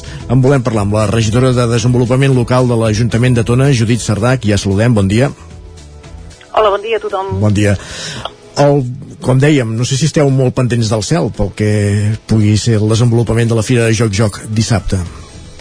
Doncs sí, ara que ja ho acabem de tenir tot lligat, ara el que ens fa patir és el temps, perquè justament aquesta setmana, com ara dèieu, s'anuncien pluges fortes, per tant, però esperem que no, eh? Plourà avui o demà, però dissabte un... Ja no. farà un bon dia. Esperem. Molt bé. De fet, aquí tenim una de les primeres novetats. Hem parlat de dissabte i fins ara estàvem acostumats que aquesta fira es feia diumenge. Per què el canvi de, de canviar de, de dia, de dissabte a diumenge, de diumenge a dissabte, perdó? Doncs sí, eh, de fet aquesta edició tenim dos grans novetats. Una és aquesta que comentes, de, la passem a dissabte. Per què? Per, per dinamitzar el poble. El que volem és que la gent visqui al poble, que el vegi, que el visiti. Llavors, què més que fer-ho en dissabte, que tenim doncs, tots els serveis i les botigues obertes i hi haurà molta més llum al carrer. I l'altra, l'altra és precisament també, ja va lligada amb aquesta, la tornem al centre. Jo crec que aquest és, és, és el gran canvi, la gran novetat d'aquest any. Sabeu que fa uns anys s'ha estat fent al pavelló, Sí. llavors eh, amb molt d'èxit, per cert, eh, però clar, el pavelló el tenim doncs, com una mica separat, com sabeu, eh, la zona esportiva. Llavors, el que hem volgut aquest any és tornar-ho una mica el que havia fet l'esperit de la Fira de la Passeta, que era a la plaça, al centre. I aquest any, digues, digues. No anava a dir, es fa més visible, és evident, no? Exactament, exactament. El que hem, el que hem intentat és fer fer-ho molt espaiat, també per temes de Covid, no ho farem tot concentrat, i el que farem serà doncs, distribuir-lo en tres espais. Tres espais on hi haurà tipus de jocs diferents. Per exemple, a la Canal tindrem el joc clàssic, al Camp de les Lloses tindrem el joc de rol, a la biblioteca tindrem joc modern, i després, entre la plaça Major i la plaça de l'Ajuntament, que ara en diem la plaça 1 d'octubre, hi haurà tot de jocs de, de carrer. I el volum de, de participants, d'expositors de, de jocs, és el mateix que hi havia hagut al pavelló o s'ha ampliat el fet d'això, de, de, de tenir més espais i, i, i més amples, per entendre'ns? Sí, el número és bastant similar i el que així ens permet tenir espais diferenciats és de tenir, doncs, eh, això, espais diferenciats, precisament. Val? Llavors, per exemple, això que us deia, el joc clàssic de la Canal, hi haurà construccions, hi ha el, els jocs de carrer de la, la companyia anònima, hi haurà demostracions de jocs d'en peu de joc, gegants tradicionals de l'Udi Espai, i una, una paradeta també de màgia, perquè ja sabeu que Tona també la màgia ens va molt.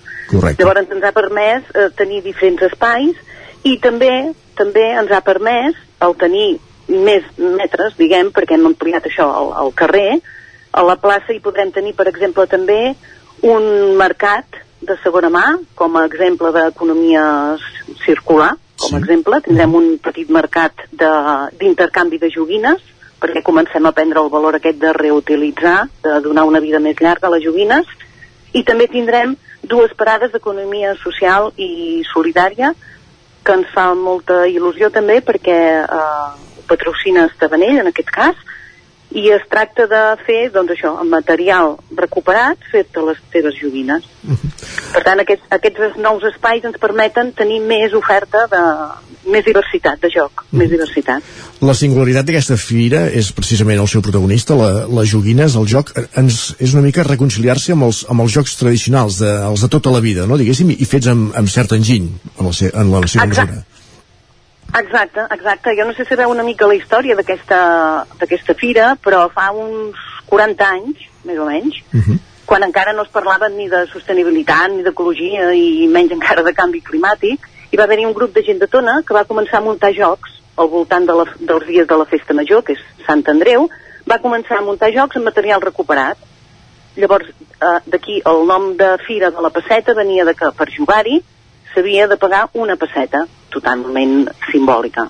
I llavors aquests jocs eren, bueno, tope diversos, laboriosos i, i era visca la imaginació, eh?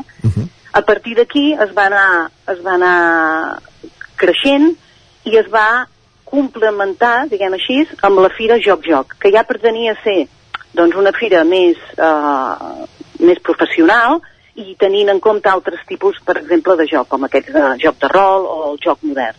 Per tant, al final ens ha quedat una fira, doncs jo crec, molt, molt, molt completa.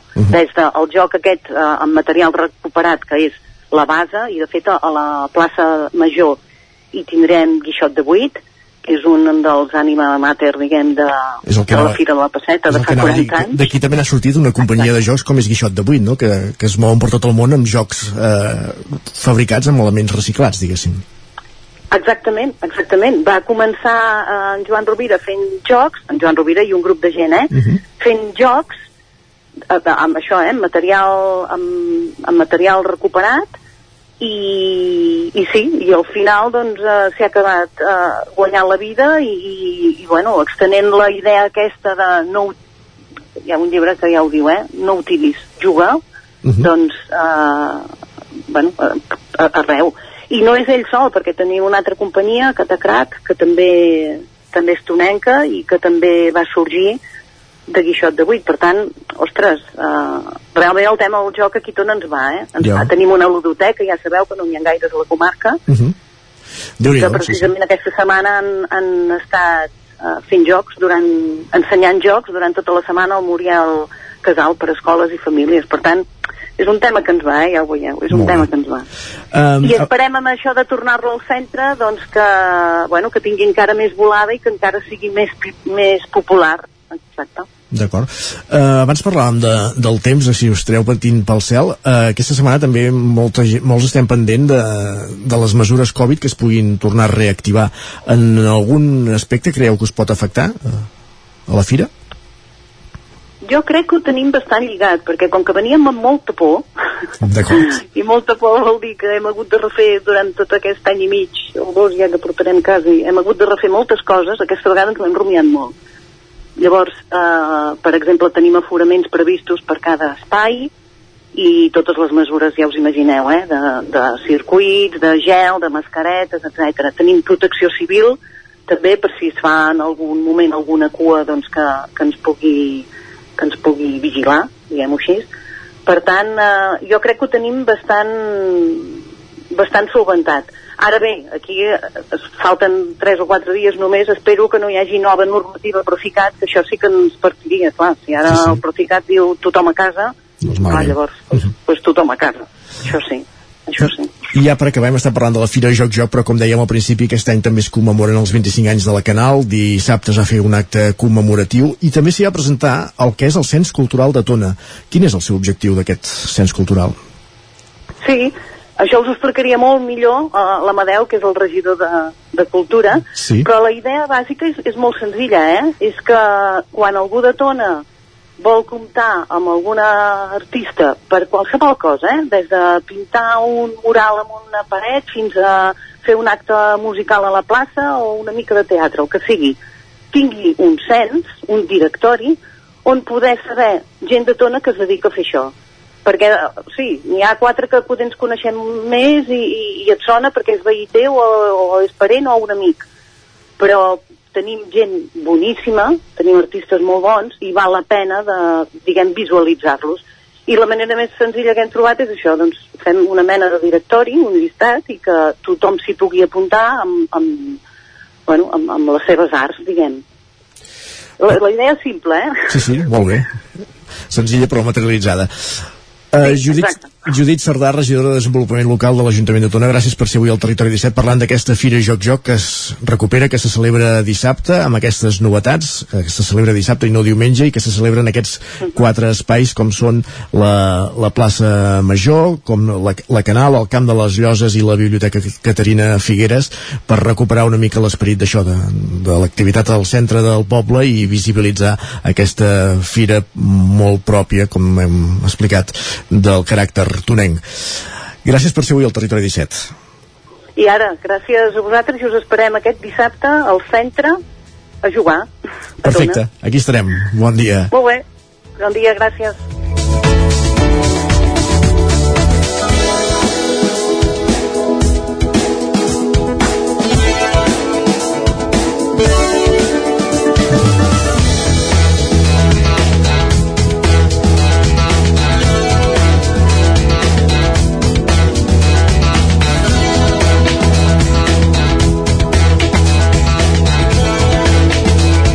I ara mateix, 3 minuts de pausa i tornem amb més continguts del Territori 17. El nou FM, la ràdio de casa, al 92.8. Arriba el fred, s'acosten les festes nadalenques, però ja tens l'arbre? Del 4 al 12 de desembre arriba la quarantena Fira de l'Avet d'Espinelves, una de les fires més singulars de Catalunya. Vine a triar i a comprar el teu arbre de Nadal i gaudeix de l'encant d'Espinelves. Avets, exposicions, mostra d'arts i oficis i moltes més activitats. 40 anys de la Fira de l'Avet d'Espinelves. Saps què és el confort intel·ligent? És tenir un terra radiant Giacomini a casa. Benestar que no es veu, però es nota tot l'any. I que pots controlar a distància des del teu mòbil, estalviant energia i diners. Suma't al confort intel·ligent amb Giacomini. Informa't a giacomini.es o truca al 93 884 1001 i t'ajudarem a tenir un terra radiant a casa o a l'oficina. Giacomini, la climatització que et mereixes. Rètols 2A. Experts en comunicació visual. Rètols, banderoles, vinils, impressió, plaques gravades, senyalització, displays... Rètols Dos Art. Ja són 25 anys al vostre servei. Ens trobareu a la carretera de Vic a Olot, número 7, al polígon Malloles de Vic. dosartvic.com Telèfon 93 889 2588 Cobertes serveis funeraris.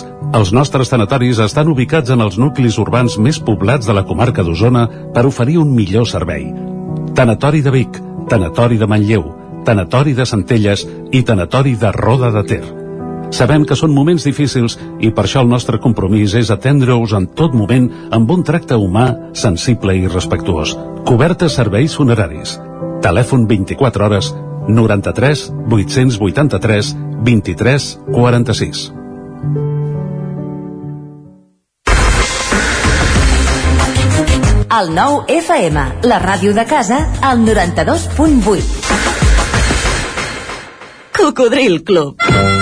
Si t'agrada la bona música dels anys 60, 70 i 80, escolta el 9 FM als matins de dissabtes i diumenges d'11 a 1. És el temps del Cocodril Club, tot un clàssic de la ràdio, amb les bases del pop-rock, les llegendes, les cançons que s'han convertit en autèntics himnes. Recorda, dissabtes i diumenges al matí, d'11 a 1, al 9 FM 92.8. Cocodril Club, el programa revival de l'Albert Malla. Hasta cocodrilo. Anuncia't al 9FM. La màquina de casa. 9 3 8 8 9 4 9 4 9 Publicitat arroba al 9FM.cat. Anuncia't al 9FM. La publicitat més eficaç. El nou FM. El nou FM. El nou FM. El nou FM. El nou FM. I ara mateix són dos quarts d'onze al territori 17.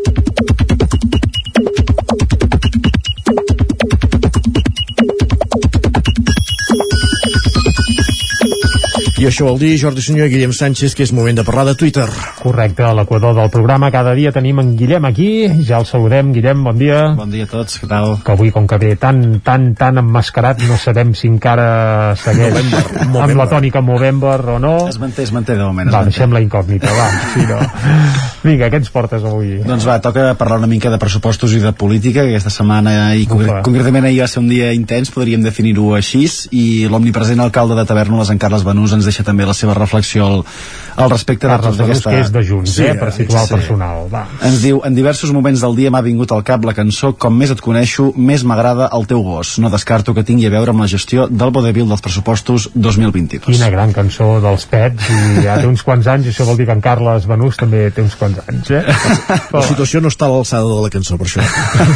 De moment encara no. I més valoracions que ens deixen les xarxes, per exemple, l'usuari Elix85 ens diu això d'avui és compactar eh, això d'avui és compactar els pressupostos familiars amb l'amant, deixant de banda la parella, o també la d'en Xavier, que ens diu això de jo t'aprovo els teus pressupostos i tu m'aproves els meus és una altra de les coses que fan que la política sigui una mica repugnant. Bé, valoracions per tota, totes les bandes, en aquest sentit, a, a veure si s'acaben entenent i tot acaba arribant a, a un bon camí, deixem-ho deixem aquí, no? Bé, eh, l'altra història és que una cosa és fer uns pressupostos i l'altra és executar-los, perquè això serien figues d'un altre paner, però bueno, seguim, va. Doncs va, sigui per dedicar-se a la política o a la feina que sigui, estudiar és molt important, però com ens comenta en Xevi, diu, la meva filla de primer de batxillerat té nou, nou exàmens en tres dies. Això serveix pedagògicament per res, a part d'angoixar i estressar els adolescents? Una pregunta que deixa a l'aire aquest pare de, de família amb la seva filla, això. Doncs aquesta pregunta fa tres dècades que eternament se la poden anar plantejant diferents pares i la història segueix i continua. I quan s'ha acabat el batxillerat i s'arriba a la universitat, les coses tampoc canvien massa. Així ens expressa en Pau, diu a la vida hi ha dues opcions, portar les coses de la uni al dia o ser feliç. No sé quina opció triaríeu vosaltres. Home, jo crec que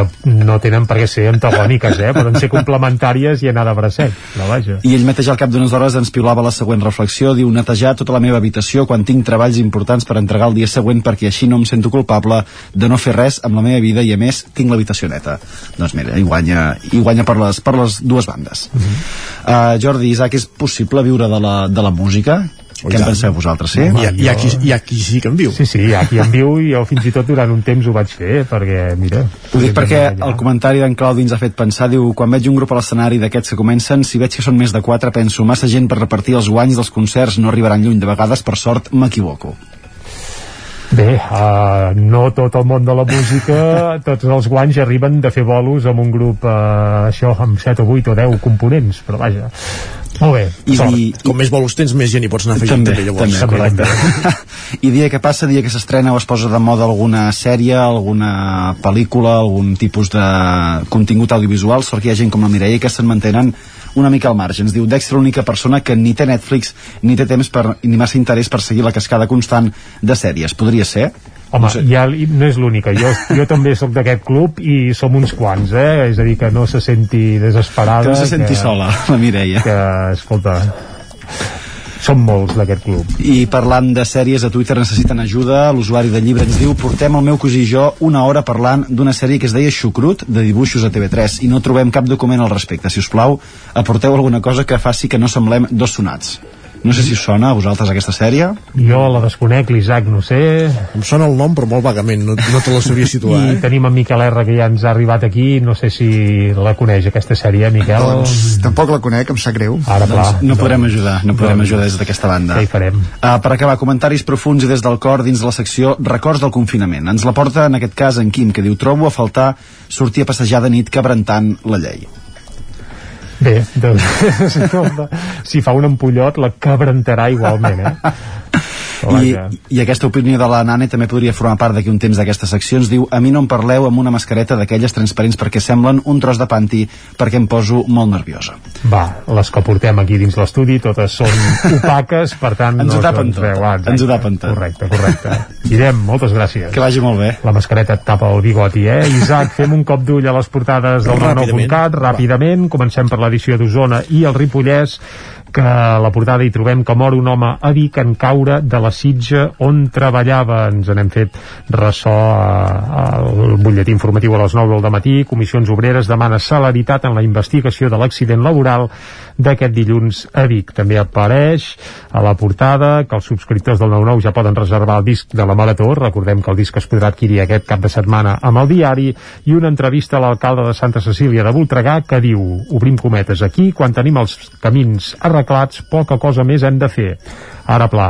Uh, bé, podríem sucar-hi molt de pa amb aquesta afirmació, però, sí, però... però bé, sembla que tenen poca feina Santa Cecília. Anem cap al Vallès Oriental, el 99.cat ara mateix obre explicant que la Fundació Sanitària Mollet farà un nou edifici dedicat a docència i administració als terrenys on es preveien els nous jutjats.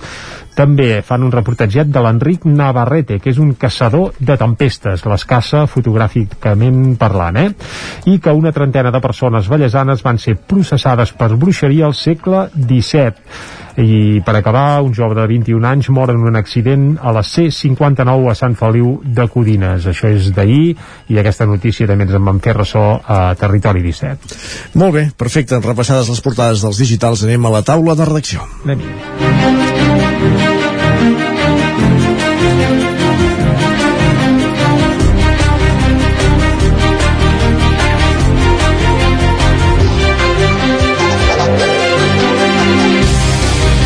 I avui a la taula de redaccions hi esperen en Jordi Vilarrodà i en Miquel Lerra. En Miquel ja el tenim aquí a l'estudi per parlar de la campanya de la tòfona, la tòfona negra, eh, molt característica a les comarques d'Osona i al Moianès, i de la qual ja ha començat la temporada de, de recol·lecció. Miquel, bon dia.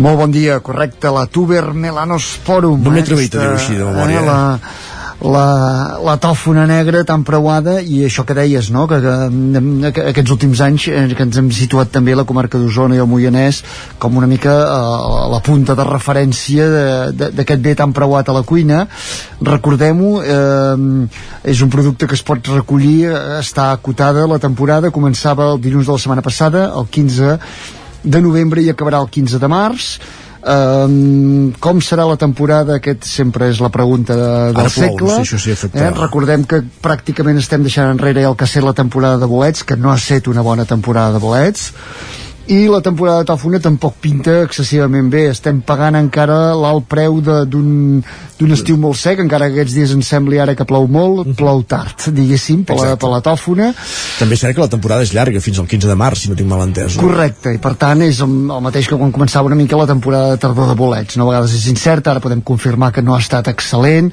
que ha costat que baixessin fins aquí baix. La tòfona no es. Bàsicament diria el que coincideixen més els experts és amb irregular, no? Perquè sí que ja s'ha començat a trobar primers exemplars, hi han zones que segurament no seran bones, aquí darrere també hi ha molt el fet de qui s'ha cuidat de les tofoneres per tant hi ha gent que qui ho ha cuidat doncs que les ha regat en moment que es podien regar.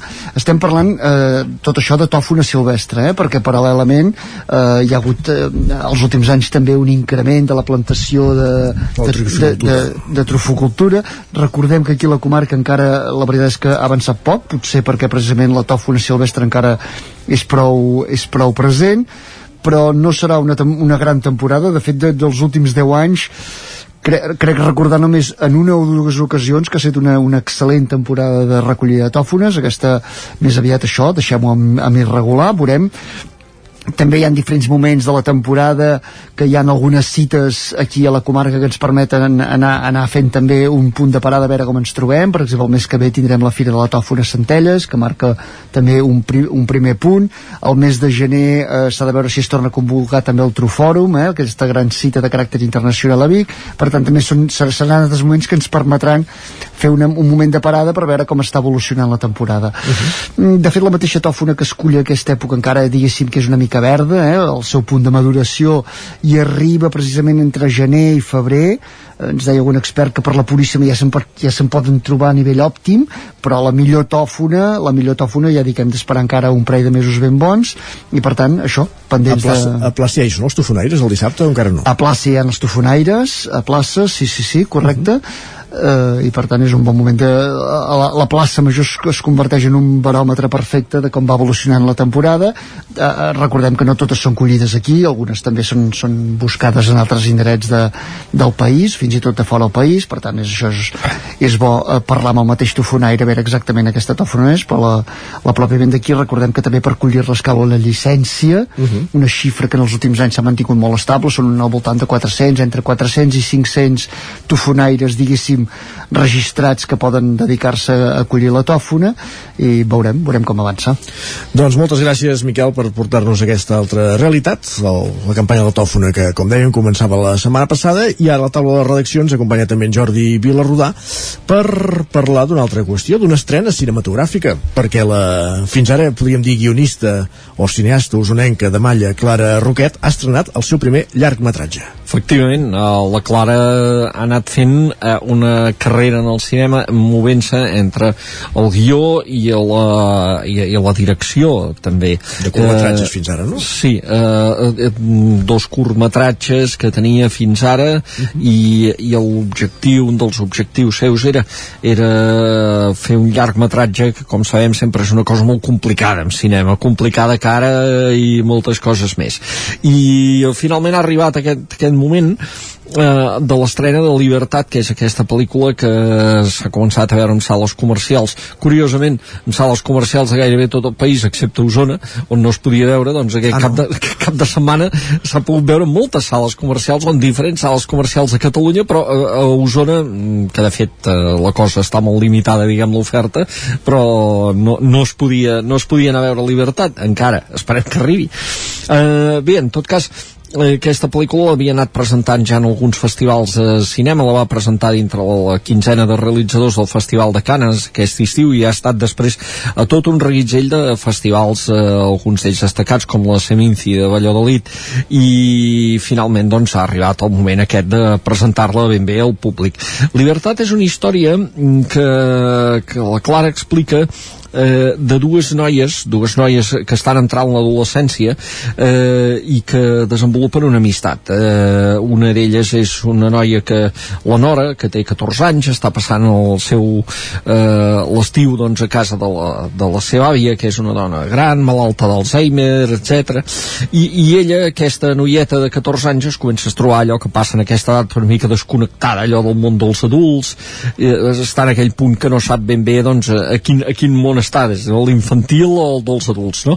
I eh, arriba una altra noia que es diu Libertat, que és la Nicole García, la que fa, l'actriu, la jove actriu que fa aquest paper, que és filla d'una dona colombiana doncs, que treballa doncs, per la família, eh, que, que, que una treballadora de la llar, diguem, una treballadora mm, familiar i, i i entre les dues noies s'estableix una gran amistat, comença una gran complicitat.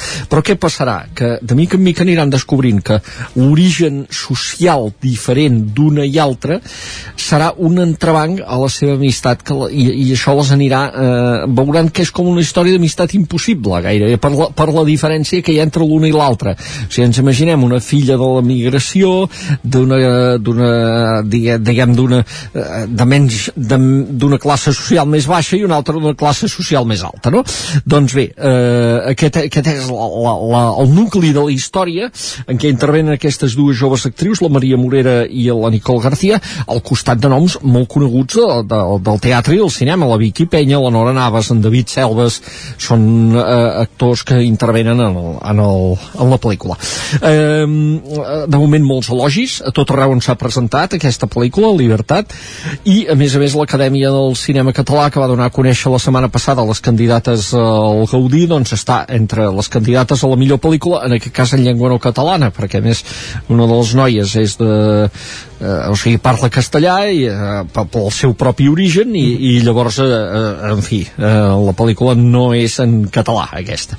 Eh, els com, premis, com tantes d'altres eh, com tantes d'altres, a més a més els Gaudí aquest any eh, em sembla que no, no arriben, ara ho dic de memòria però segur no arribarà a 10 pel·lícules pel·lícules les eh, que competiran en la categoria del Gaudí a la millor pel·lícula en llengua catalana, no arriben a 10 eh, em sembla que es queden amb 6 o 7 pel·lícules, eh, ho dic de memòria ara eh, i, i precisament la, la presidenta de l'Acadèmia del Cinema Català ho va esmentar fa poc com un, un problema, diguem, una qüestió que s'ha de resoldre. Però bé, en tot cas, doncs, la Clara Roquet la tenim ja amb aquesta pel·lícula. Ella es va donar a conèixer eh, doncs ja fa 6 o 7 anys quan va fer de guionista de, de 10.000 quilòmetres, una pel·lícula del Carlos Marquès Marcet, eh, que, que, que hi va tornar a treballar després amb un altre film, uh -huh. amb els dies que vendran. O sigui, ha anat fent un camí molt lligada al guió, però eh, paral·lelament, doncs, ella ja va fer un curt que es va dir El Adiós, que aquest eh, molta gent potser l'ha vist i que es va rodar a Malla, precisament. Correcte. Doncs eh, aquest va ser del 2015, va tenir un Gaudí, eh, va tenir altres premis, i després en va fer un altre de curt, que era Les Bones Nenes. Eh, aquest deu fer doncs 3 o 4 anys. Eh, i per tant doncs han fet aquest, aquest camí doncs de, de progrés doncs que l'ha portada a poder estrenar el seu primer llargmetratge que això esperem que, esperem que es pugui veure de fet. Val, a, val a dir que amb el cicle Gaudí que cada mes porta una pel·lícula eh, produïda a Catalunya tard o d'hora segurament que arribarà Segur i el cicle Gaudí arriba a moltes poblacions de, de les comarques del territori Exactament. 17 per tant, si no arriba a les sales comercials per una i o altra com acabarà mínim, arribant Libertat com a mínim es veurà a través del cicle Gaudí. Moltes gràcies Jordi per ser avui al Territori 17 a la taula de redacció parlant de Clara Roquet i ara anem a repassar música, a conèixer unes novetats musicals amb la, en companyia de l'Arnau Jaumira.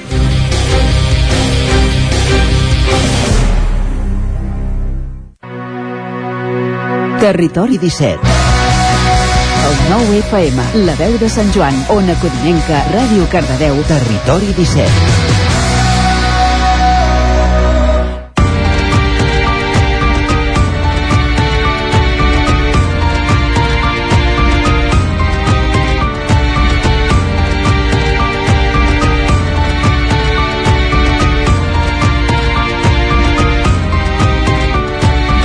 Deixa València juliol, quina vida.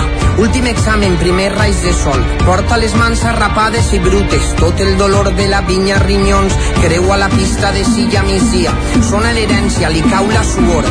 Mira l'arròs, la ribera que brilla. Tira per dins a la cant interior. Doncs ja sabeu que de tant en tant ens visita l'Arnau Jaumira al Territori 17 parlant de música editada al nostre país, als països catalans, com és el cas d'aquesta cançó que estem escoltant de, de Zo. alguns, alguns diran que això de novetat en té poc aquesta cançó és del 2014 vull dir, que estan dient però eh, sí que hem d'explicar que això forma part d'un projecte que es diu Zo Il·lustrat que no és la cançó que coneixem o que la gent ha escoltat més d'una vegada ara, ara la, la recuperarem perquè és un, un projecte que han fet artístic i pedagògic eh? vol aprofitar les emocions i com ells diuen el poder transformador de la, de la música no? eh, Zo té un projecte que va més, més enllà és un projecte que ja estaven teixint des de fa temps i va amb uns discos i ara escoltem, ja veuràs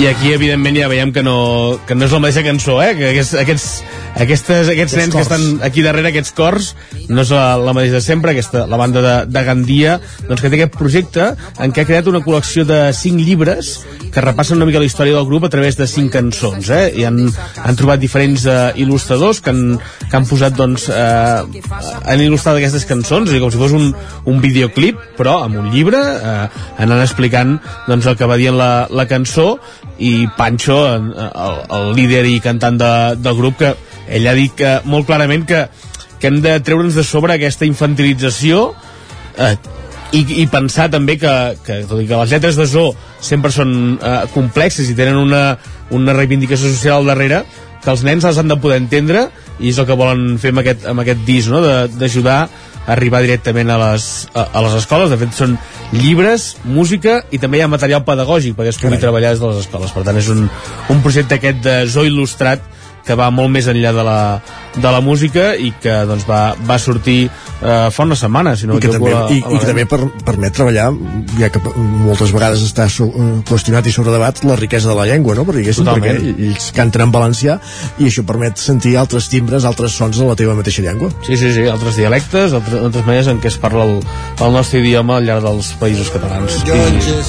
I és això, eh? escoltàvem Carrer de l'Amargura, que és una de les cançons típiques de, bueno, típiques, més dit, de les que ha tingut més èxit de, de Zoll al llarg de tota aquesta trajectòria, com dèiem, de 2014, però que ara han fet aquesta reedició amb, amb quatre cançons més, han agafat Robot, han agafat La Mestra, Xafant Fang i deixem que caiga eh? per tant amb unes quantes eh, d'aquestes cançons que si sabeu ja que acabarem escoltant-ne una altra de- d'aquestes Xafant Fang em Xafant eh? Fang, això mateix, sí Corrien com llops a la vora del riu la cara bruta, el gest viu camp a través, barrancs amb patinet argelagues i passals i els pantalons desfets. A comunions només de convidats. A l'església vam entrar una volta esquadrinyar. Fill meu, on vas on has anat a parar? Mala bascolla em vaig emportar. Nyas, a mi em cuidava Amparo a l'eixir de l'escola quan a Carmela li s'allargava la faena. No em quedava altra que cooperar la Joana sempre amb un plat preparat. Lo que faça falta, che, suport mutu. Pa totes elles, amor perpetu. Deu mares, de set germans som la tribu, criant en col·lectivitat ja? i el matriarcat diu però amagat que isca de les cases impregne tota la societat desfent-nos de la marca del poder de l'home blanc de l'espasa i de la creu i del cristal a paret. Obrir els ulls al món, riure i blasfemar no hi ha ningú allà dalt disposat a ajudar. Compartint eines, ho fem juntes regant les llavors de les idees comunes. Mana és de joves i de llops Trafant fang jo, trafant fang Mana és de joves i de llops Mana és de joves i de llops Trafant fang jo, trafant fang Corrien com llops pel carrer i el barranc de casa a la Renfe, per barri o Marjals tant donava la roba del germà major la bici del cosí del poble i l'entrepà pa tots. Primer creuar, després mirar disciplina, la imaginació és la millor medicina. Deixalles, cabanyes, foc al descampat la boca feta un cristo de pegar-me tant de bac, la mare, el pare i sis en un Renault set a la platja. El sol implacable la vega baixa l'abuela ella sole cuinant per a 30 i sempre un platico pal que entrara por la huerta ni gomina ni trajes al cumple. Ni bateig ni litúrgies ni temples. Plens de merda i de fang de carrers asfalt perquè els buits amb regals mai no s'omplin. La voluptuositat, l'efervescència els misteris insondables de l'adolescència fugien del present, del futur i amb les lleis un poc de trellat i consciència.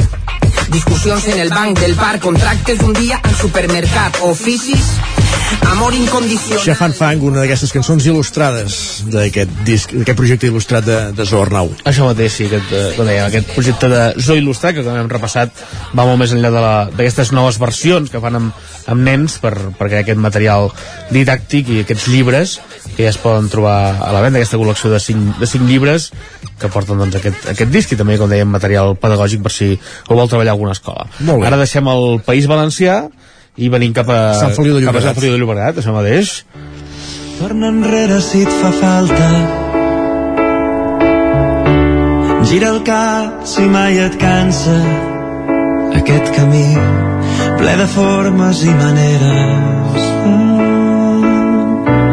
Tan estranyes com tu eres abans d'ahir.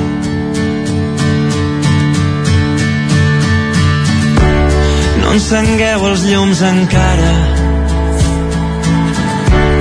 i allargueu-me l'abraçada fins la nit que vull veure si em coneixes. I em fas creure que existeixes només aquí. I ahir tornant de casa teva vaig sentir que el món girava tan de pressa i saltava d'un fatal a l'altre com si res i no tocava terra oh, no em miris així amor és cert que no tocava terra Sí. Març a l'Atlàntida. Sí, I, eh, sí, sí, correcte, correcte. Ja tenen aquesta part de gira, ho explicarem, d'aquest quart treball de Joan Dausà. Sense els tipus d'interès, eh, ja? Sí, això dels tipus d'interès va, va, va ser al principi, però ara ja no, ja no hi són. Va passar a millor vida fa molts dies, això. Sí, sí, sí, això ja és història, però és això, eh, Joan Dausà, que segur que molts el coneixen per la seva cançó més famosa, el Jo Vai Mai, no?, que va ser el que Soren el va donar, el va donar a conèixer, però ja és el seu quart àlbum d'estudi, però és veritat que n'ha tret set eh, de discos, perquè pel mig també té un de directe, té dues bandes sonores, perquè ha fet unes, doncs, bastanta feina realment en tot aquest temps, el de Sant Feliu de, de Llobregat, en aquests últims 10 anys, eh, perquè això va comen- el Jo Mai Mai és del 2011, per tant aquest disc celebra aquests 10 anys de, de carrera de, de Joan Dausà, aquest Ho tenim tot, que és com es diu el, el disc, i aquesta cançó que, està, que estem escoltant ara, que es diu No tocava terra, Uh -huh. que, que és una de les... De, de, del seu d'aquestes cançons lluminoses que té aquest, aquest disc, que sempre evidentment amb el piano predominant, perquè és el seu instrument, perquè és el que, que ell domina, i doncs aquesta emoció i aquesta vitalitat, optimisme que posa sempre Joan Dausà en aquestes, en aquestes cançons, com Home, deies... Hi ha bastant, bastanta tristor a les seves lletres a vegades, també, eh? Sí, sí, sí, és veritat, és veritat que hi ha hagut, és veritat que hi ha hagut una mica de... Hi ha hagut fases de tot. Sí, sí, sí, fases de tot. En aquest cas, aquest disc jo crec que és bastant optimista, sí que té cançons que són més pausades, més balades, com podia ser més aquesta, i n'hi ha que són grans himnes, com escoltarem ara d'aquí un moment.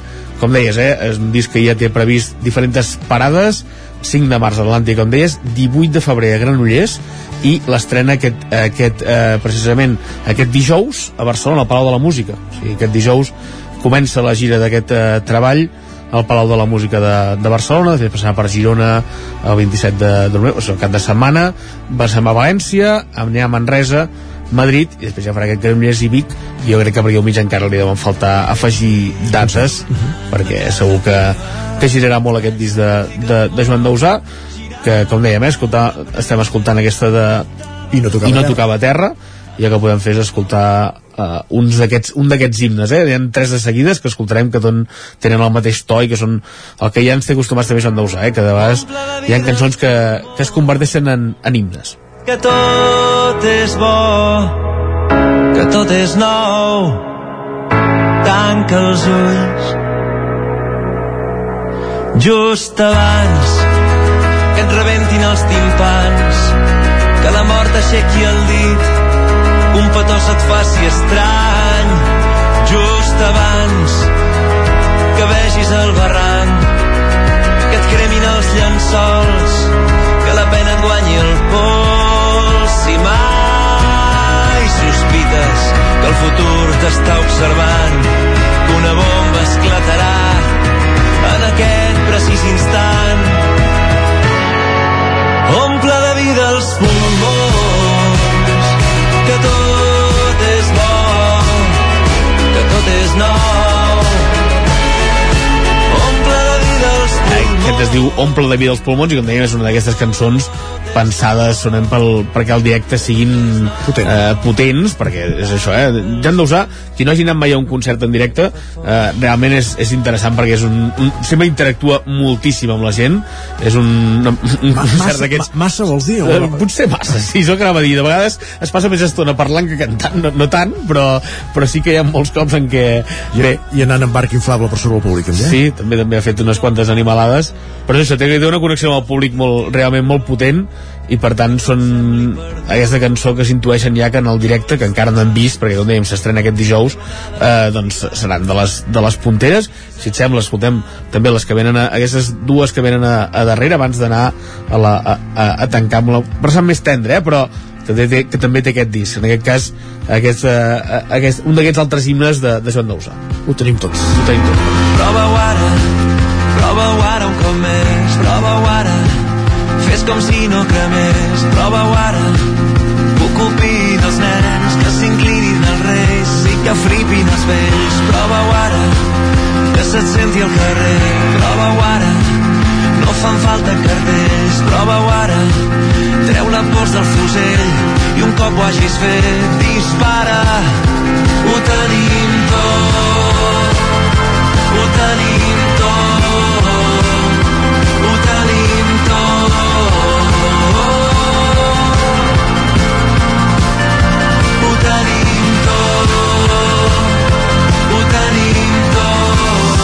tenim tot, que no és el tot anirà bé, eh? És una... No, no és el tot anirà bé, també ve del mateix lloc, però no.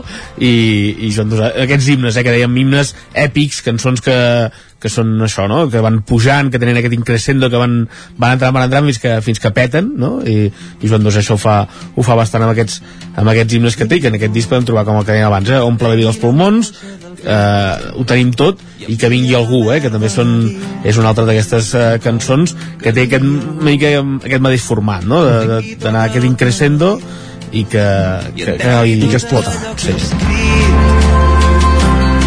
i de nou em netegi tot el cos sobretot que no oblidi cap racó i que bufant tregui la pols d'aquells records on érem forts.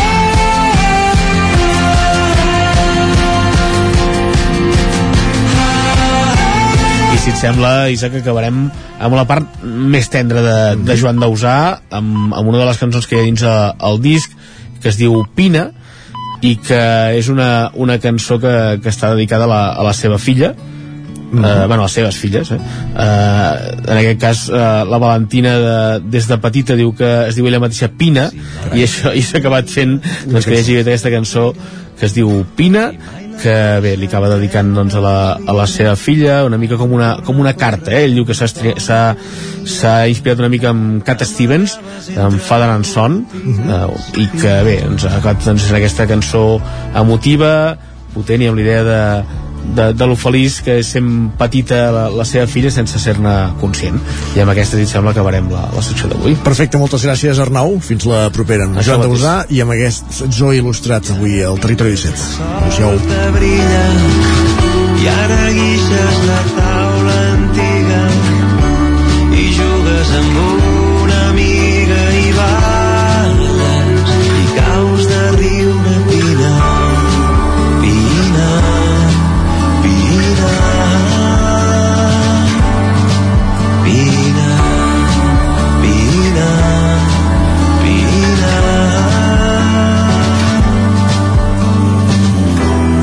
fins i tot ens sap greu tallar aquesta cançó tan tendra. Passa un minut de les 11, és moment d'actualitzar-nos al Territori 17. Territori 17, amb Isaac Moreno i Jordi Sunyer.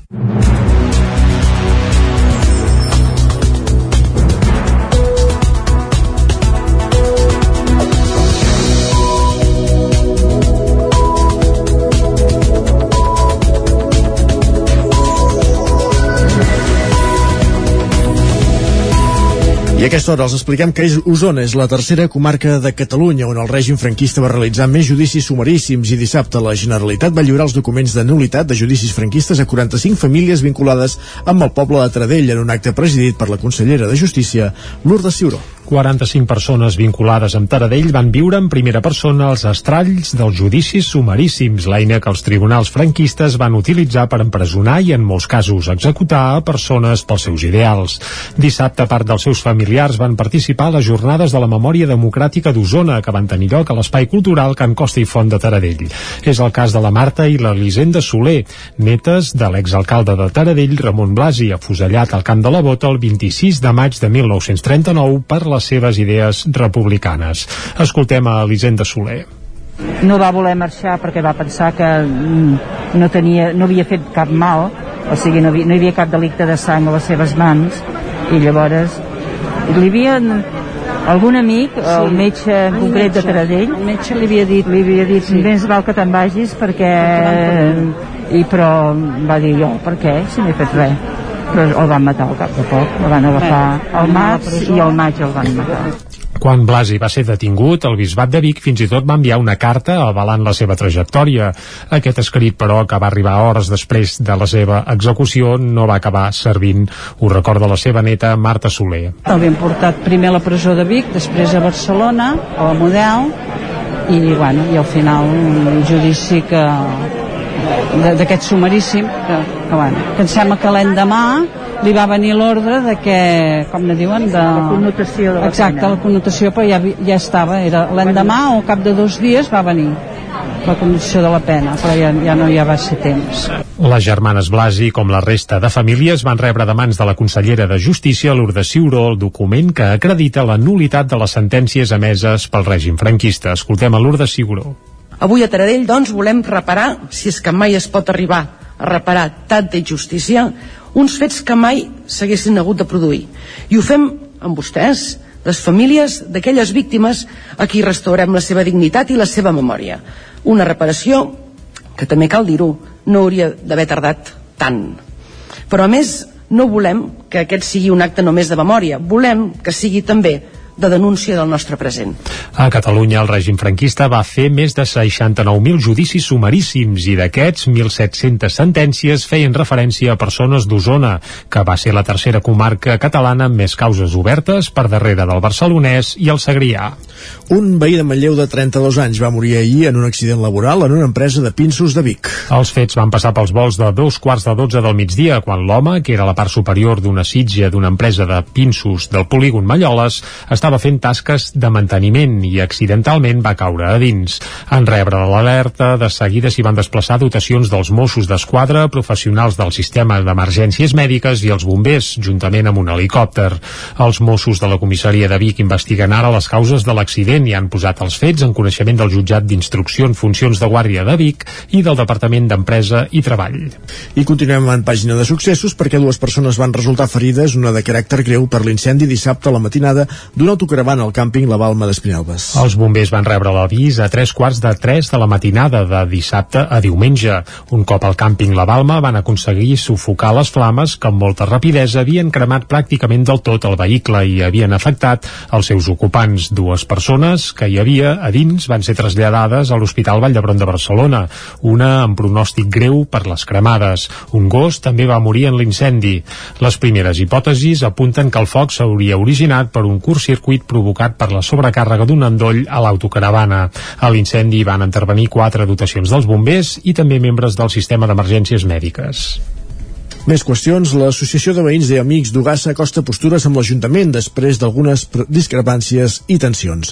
Isaac Muntades, des de la veu de Sant Joan. L'Associació de Persones Veïnes i Amigues d'Ugassa i l'Ajuntament es van reunir el passat dimarts 9 de novembre per llimar les diferències que havien aflorat les darreres setmanes. A la trobada, d'unes 3 hores de durada, van participar-hi tres membres de l'associació encapçalada pel seu president, Carles Mercader, i dos membres del consistori, l'alcalde Josep Trems i el regidor Albert Solà. Des de l'Ajuntament se'ls va expressar un cert malestar que haguessin sortit algunes informacions a la premsa i Mercader els va comentar que quan surten notícies escrites a vegades hi ha petites variacions i es poden malinterpretar, però és important que es conegui què passa al poble. El consistori també els va reclamar que l'associació hauria d'haver sorgit una dècada abans, però el seu president els va dir que ho aprofitessin ara. Tot i això, la reunió va ser molt cordial i productiva. L'associació els va entregar els estatuts i el consistori els va cedir un local a dalt del taller per poder-se reunir. Les dues parts es van emplaçar a reunir-se cada mes i mig o dos mesos per anar treballant en coses factibles. Des de l'associació també se'ls va explicar les quatre comissions que havien creat, la d'obres i millores, la d'educació i temes socials, la de medi ambient i transformació energètica i la de festes i dinamització. En la primera no volien fer un llistat de feines, sinó veure les millores que es poden fer al municipi. En la segona volen treballar el transport de la gent gran, dels nens que han de sortir del poble per anar a estudiar amb el taxi a demanda, les necessitats de l'escola i la interrelació amb el museu. Pel que fa a medi ambient i transformació energètica, l'associació vol fer un mapatge dels camins del poble, veure l'estat de la neteja o crear una comunitat energètica local. Així ho explicava Mercader. Creiem que el nostre,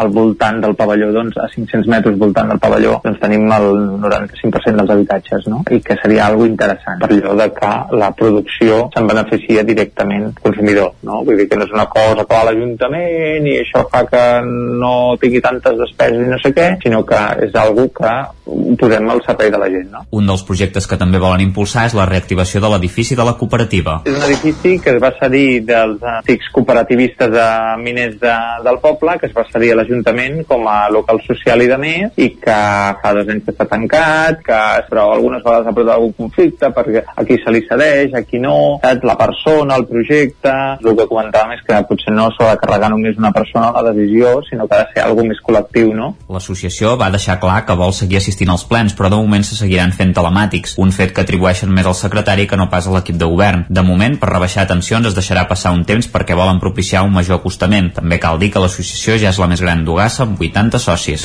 El benestar i la dignitat centren la novena assemblea del Consell de la Gent Gran del Vallès Oriental que es va fer divendres a Llinàs. Núria Lázaro, des de Ràdio Televisió de Cardedeu. Més de 50 persones vinculades a la gent gran del Vallès Oriental, entre elles professionals de serveis socials, regidories de diferents municipis de la comarca o representants d'entitats de gent gran, entre d'altres, van participar en la novena Assemblea del Consell de la Gent Gran del Vallès Oriental, òrgan coordinat pel Consell Comarcal, celebra del passat divendres al Casal Cívic de Llenes del Vallès. Durant la trobada, la Comissió Permanent del Consell va presentar les accions dutes a terme en els darrers anys i es va compartir el pla de treball per als propers anys, basat en els acords presos en el 8è Congrés de la Gent Gran de Catalunya, un pla de treball que posa la mirada en el present i el futur i en el benestar i dignitat de les persones grans. A la trobada hi van assistir el president del Consell Comarcal, Emilio Cordero, i l'alcalde de Llinars del Vallès, Martí Pujol, que van fer la benvinguda. També hi va participar David Agustí, responsable de l'Oficina de Gent Gran Activa de la Generalitat, que va intervenir per donar resposta a les qüestions plantejades pel públic assistent i va recordar la necessitat de disposar de més recursos per millorar l'envelliment actiu com a estratègia per endarrerir al màxim la institucionalització de les persones grans i treballar polítiques perquè aquestes puguin envellir a casa. Gràcies, Núria. Encara al Vallès Oriental, la cuina de l'antiga escola del Carme de Caldes de Montbui s'ha reconvertit en obrador del brou termal del Mercat de Nadal d'enguany. Caral Campàs, des d'Ona Codinenca. La cuina de l'antic col·legi del Carme s'ha convertit en un obrador professional adaptat per preparar el brou termal que oferirà al Museu Termàlia al Mercat de Nadal d'enguany. Aquest és un dels primers usos de l'edifici d'ençà que l'Ajuntament de Caldes el va comprar a principis d'aquest any. A partir d'ara, aquest serà l'espai on es cuinaran les propostes gastronòmiques que fa Termàlia amb ocasió de les fires locals i a l'entorn de l'olla gegant, l'aigua termal i la cocció amb llenya. Per habilitar l'espai com a obrador certificat i adaptat a normatives sanitàries, s'ha fet una intervenció en la instal·lació elèctrica, parets, portes, aïllaments i pintures. També s'ha instal·lat mobiliari de cuina, càmera i frigorífics per garantir conservació d'aliments, piques professionals per netejar els ingredients, mostradors per treballar i armaris modulars per guardar les gàbies on es posaran els ingredients del brou. Per tal de presentar aquesta nova instal·lació a la ciutadania, sempre que estigui en funcionament, Termàlia mantindrà obertes les portes del pati de l'antic col·legi del Carme amb entrada des del carrer Canal. D'aquesta manera, qui vulgui es podrà acostar a les finestres de l'obrador i veure'l des de fora. I aquesta hora també els expliquem que la producció nord-americana After Antarctica sobre les experiències a l'Àrtic de l'explorador Will Steger han guanyat el 39è Festival BBVA de Cinema de Muntanya de Torelló. El festival ha recuperat la presencialitat després que la 38a edició fos pràcticament del tot virtual, però ha mantingut un format híbrid amb l'ocupació amb l'opció de veure les pel·lícules en línia que encara està oberta. After Antàrtica, producció americana de la realitzadora Tasha Van Zandt, s'ha endut la flor de neu d'or del 39è Festival BBVA de Cinema de Muntanya de Torelló. El jurat n'ha ressaltat el poder cinematogràfic amb un muntatge d'imatges del retorn de l'explorador Will Steger sobre el gel de l'Àrtic i de l'expedició històrica que hi va liderar el 1989. Van Zandt, que ara és a l'Antàrtida, va agrair el premi a través d'un correu electrònic. I en l'any que el Pol Sud ha estat l'eix temàtic del festival, un altre dels premis principals, el del millor film d'esports de muntanya, també va ser per un film dedicat al sisè continent, Antàrtica, Montrez a l'extrem sud. El retrat de la comunitat xerpa que fa d'Icefall Doctor ha obtingut el premi a millor pel·lícula de muntanya, Holy Bread el guardó al millor film de cultura de muntanya, Contagion el premi al millor guió i Songs of the Water Spirits el premi a la millor fotografia. El reconeixement del vot popular va ser per a Mount Logan. La majoria de premiats van agrair el guardó a través de vídeos en la gala de clausura del festival que es va fer dissabte al Sirvianum de Torelló. Sí que el van recollir presencialment Vanessa Freixa i Pep Camps, coautors del No a l'Os, considerat el film que millor ressalta la defensa dels espais naturals. Escoltem a Vanessa Freixa. Esperem que hem pogut aportar nous arguments per evolucionar en aquests debats que a més a més són o acostumen a ser molt encesos però que demanen de coneixement més profund entorn la realitat no? I, i, i les persones que, que mantenen també un medi i que el que volen és intentar conviure amb tot el que els hi pertoca. Txi Arana i David Olivares van conduir la cluenda del Festival Torellonenc, que ha recuperat la presencialitat en aquesta 39a edició, mantenint la plataforma virtual que es va crear en l'edició anterior. En aquesta plataforma encara s'hi pot veure durant tota aquesta setmana una selecció de les pel·lícules premiades. Per això encara no hi ha xifres definitives de públic. Joan Salarí, que és el director del Festival BBVA de Cinema de Muntanya de Torelló. L'any que ve doncs, ja es veu d'una altra manera. Dius, bueno, ara s'ha tornat a engegar i a veure si les condicions poden ser més normals que les d'aquest any. I la gent acaba de perdre una mica aquesta por com encara, encara hi és. I això ho hem, ho, hem, ho hem pogut veure. Si acaba de perdre, perdre aquesta por llavors tornem a ser un festival eh, que a la, a la quantitat de públic i a l'ambient que hi havia fa 3 anys i sumarem doncs, eh, tota la força que té el fet de fer-ho online. El Festival BBVA de Cinema de Muntanya de Torelló es prepara per celebrar ja el 40è aniversari i ho farà en l'edició de l'any que ve, que tindrà lloc dels dies 11 al 20 de novembre, evidentment de 2022. Gràcies, Jordi, que veiem aquí aquest repàs informatiu que començàvem a les 11, en el que ens heu acompanyat eh, conjuntament amb en Jordi Sunyer, també la Caral Campàs, l'Isaac Muntades i la Núria Lázaro. Tot seguit, és moment de parlar d'economia i avui, com els dèiem abans, parlarem del Black Friday aquí al Territori 17. Fins ara mateix.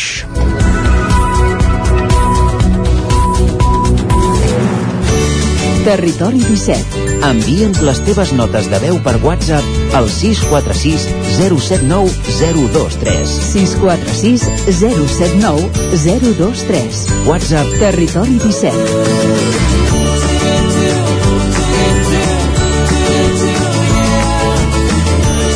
Territori 17. Som a Facebook, Twitter i Instagram amb l'usuari Territori 17.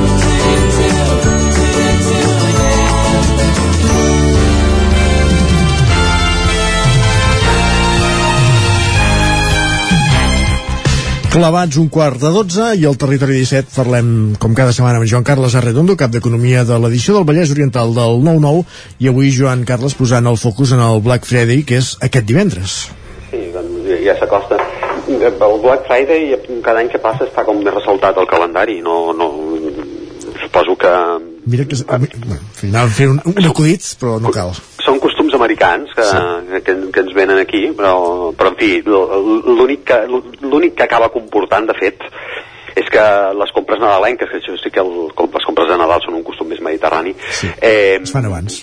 Eh, s'avancen i per tant ja, diguem-ne que eh, la diferència és aquesta, el que passa que les campanyes publicitàries són una mica matxacones i, i Black Friday eh, ha acabat sent una marca bastant bastant coneguda, no? Sí. Eh, eh, aquest any encara pandèmic però menys pandèmic que l'any passat eh, això, això si les dades de la malaltia no empitjoren que, que tenen aquesta tendència però en principi d'aquí a divendres no, no hauria de canviar gaire no? eh, s'hauria de comentar saber veure que les carteres eh, dels consumidors estan més plenes eh? perquè de fet diguem-ne que més o menys hi ha hagut més possibilitat d'estalviar passa que l'alegria no es completa mai no? i l'equació de tot plegat s'ha fet més complexa eh? Diu, més diners a la cartera, més despesa doncs no del tot eh? perquè els fabricants afronten una complexitat marcada per restriccions en subministrament, els costos energètics més elevats, transport més complicat.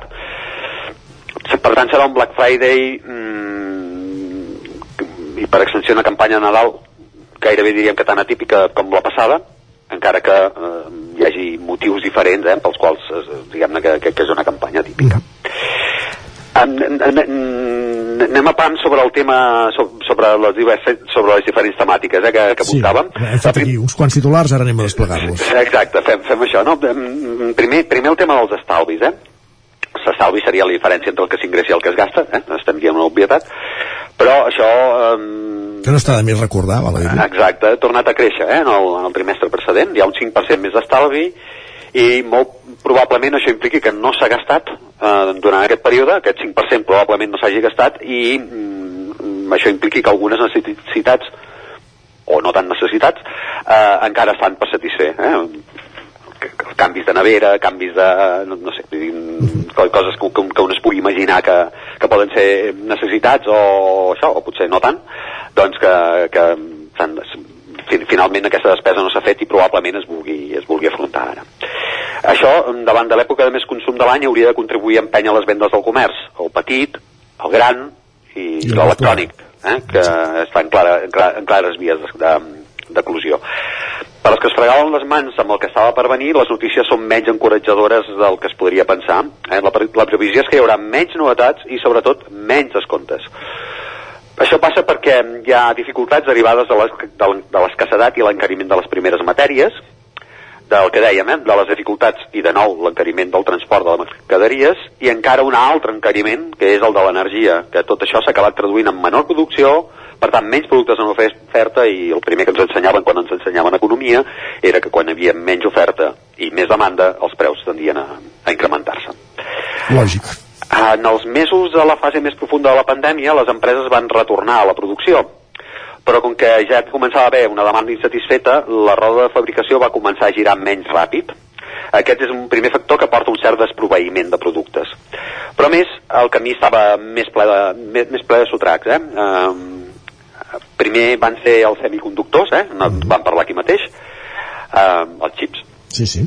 Amb greus dificultats de subministrament, i posteriorment uns costos a l'alça en les primeres matèries, eh? també n'hem parlat aquí, l'acer, eh, l'alumini, totes les primeres ma matèries, diguem-ne que s'han incrementat i això ha posat més tensió als fabricants aquests fabricants, els més atrevits, eh, han seguit endavant, però per obtenir uns, els marges que li permetin mantenir l'activitat i la plantilla i tot diguem-ne, el que seria la normalitat, necessàriament ha de traslladar si no tots els sobrecostos, una part dels sobrecostos als, compra als compradors finals.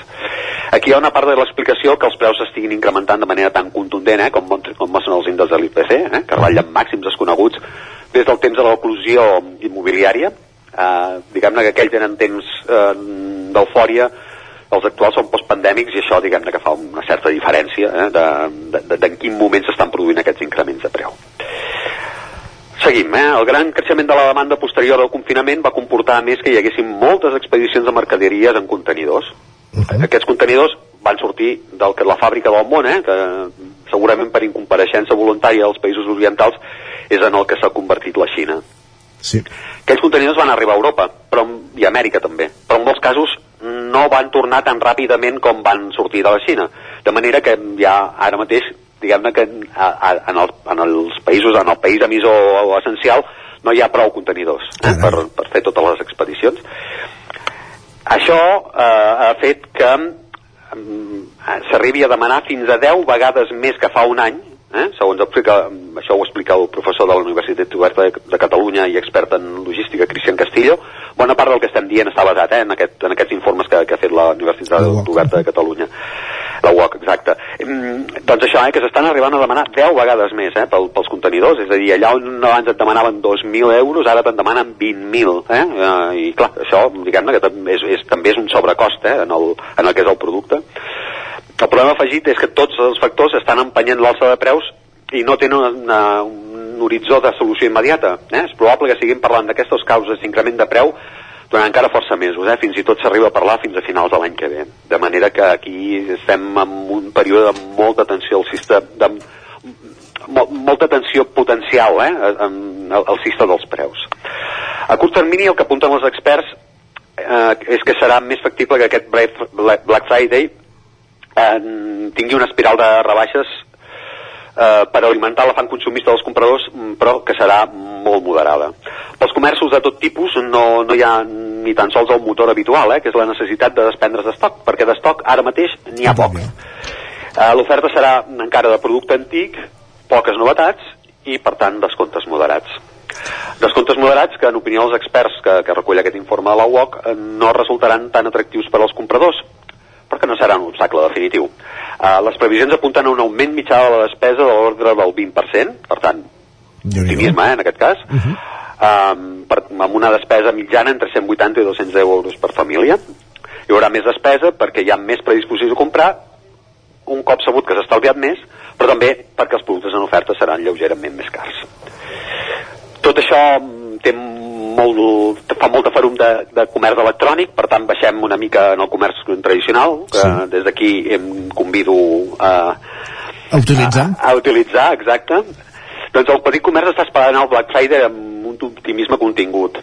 També s'agafen el carro per això, no? Sí, sí, s'hi agafen, s'hi agafen, sens dubte, sens dubte. Mm, diguem-ne que moltes vegades les rebaixes s'esperaven a, a, a partir de, de, de passar la campanya de Reis, però mm, hi ha aquesta manera d'enganxar, eh, que és el Black Friday, que ja comença a animar les compres, no? El que dèiem, eh, un 80% dels comerciants espera que les vendes d'aquesta campanya seran iguals o superiors a les de l'any passat. Això és una enquesta que ha fet la patronal PIMEC, una enquesta que van difondre ahir. Uh, el grau d'optimisme creix si es té en compte que l'any passat la meitat dels comerciants manifestaven incertesa sobre la continu continuïtat dels negocis. Ara, en canvi, és un 70% el que es mostra confiat que mantindrà obert el seu establiment. Uh, L'enquesta sí que assenyala uns, um, que els problemes de subministrament també arriben a les petites botigues. Eh? Un 40% diu haver tingut problemes de subministrament, ja sigui a causa dels problemes amb les primeres matèries o de les dificultats d'índole logístic que apuntàvem, per exemple, amb el tema dels contenidors. Efectivament, doncs, es detecta més optimisme en el petit comerç, eh, però una de les característiques del Black Friday és el component tecnològic de les compres. Segons l'estudi de la UOC que, que, que hem vingut citant, el 75% dels consumidors avança que farà les compres d'aquesta campanya a través del comerç electrònic i només un 22% apunta que ho faran comerços tradicionals. Les modes importades i assumides acríticament acostumen a tenir conseqüències eh? i esperem que aquestes conseqüències sobre el petit comerç eh, no siguin excessives perquè el petit comerç és molt important per, per les ciutats. Sí que hi ha una paradoxa, no sé si és una paradoxa, però sí que hi ha un fet real que re, darrere el comerç electrònic, en molts casos, també hi ha un comerç local, diguéssim, que, que també, ha, que també ha obert la, la via per diversificar el negoci, dient si la meva competència la tinc digitalment, doncs jo també m'afegeixo en aquest mercat. Sí, sí, ja, ja, ja està ben, ja està ben aquesta, aquesta reacció, a més a més és, és absolutament justificable, eh?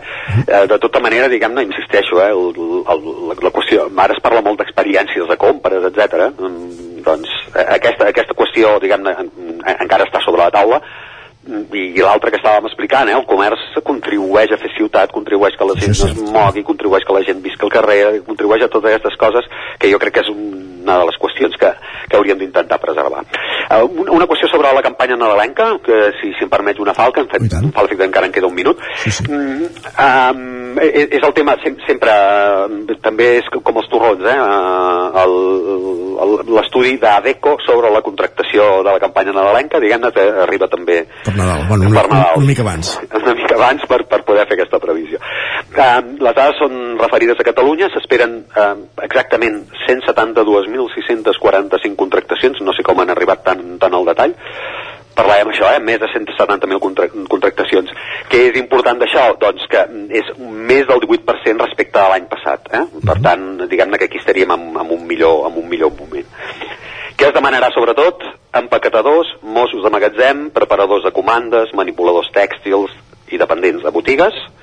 Eh? Per tant, eh, els sectors on es preveu que hi haurà creixement és el comerç electrònic, l'alimentació, també el comerç presencial, la logística i el transport i també eh, en, en menor mesura l'hostaleria i el turisme. Eh? La majoria de, de, de les contractacions aniran al sector serveis déu nhi doncs tot el que implica eh, el, les vendes de Nadal i en aquest cas aquest, aquest avançament en 15 dies que és el Black Friday, que és aquest divendres que havia portat aquesta tradició americana. Abans al principi del programa deien que fa 20 anys no en parlàvem. No, però és que fa 10 tampoc. No, no, és, és, és molt recent però, sí. però, però, però queda molt, molt consolidat. Sí, sí, això és ben cert.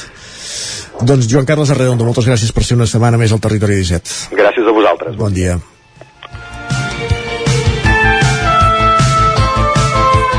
3 minuts i seran dos quarts de 12. 3 minuts i tornarem perquè ara fem una petita pausa d'aquesta durada i anem a la recta final del territori 17. Passem per l'R3 amb l'Isaac Muntades i acabem el racó de pensar amb la Maria López des de Radiologia de Cardedeu. Fins ara mateix. El nou FM, la ràdio de casa, al 92.8. Saps què és el confort intel·ligent? És tenir un terra radiant Giacomini a casa Benestar que no es veu, però es nota tot l'any. I que pots controlar a distància des del teu mòbil, estalviant energia i diners. Suma't al confort intel·ligent amb Giacomini. Informa't a giacomini.es o truca al 93 884 1001 i t'ajudarem a tenir un terra radiant a casa o a l'oficina. Giacomini, la climatització que et mereixes. El racó de León. Gaudeix de la nostra terrassa. Vine a tastar les xuletilles de lechal a la brasa amb una bona amanida o el xuletón de vedella gallega. No et pots perdre el nostre lechada de Castilla al forn o el cochinillo a l'estil de Segovia. Tot acompanyat del millor celler, al menjador o fora la terrassa.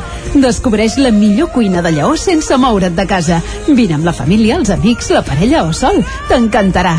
El racó de León, cuina tradicional lleonesa i de mercat. Som al carrer Torelló número 35 de Vic. Per reserves, telèfon 93 889 1950. El racó de León, una cuina diferent. Som especialistes en cargols a la llauna. Vine a tastar-los al racó de León. A Corretja tenim tot el que necessites per la teva llar. Tot tipus de paviments i revestiments, sistemes d'aïllament, cobertes, parquets, aixetes, ferreteria, pintures, fixació i cargoleria, vestuari i material de seguretat. Disposem de més de 3.500 metres quadrats d'exposició amb una nova zona exterior d'aïllaments. A Corretja som especialistes en cuines i banys. Us assessorem, dissenyem i realitzem el projecte des de l'inici fins a la fi del muntatge. 100% cuines, 100% banys. Al carrer Mas Vigues 8 de Vic, a corretja-sl.com o a Instagram. 100% materials per la construcció i la decoració. 100% corretja. A la llibreria Mater hi trobaràs material escolar i d'escriptori, llibres, revistes i el millor regal.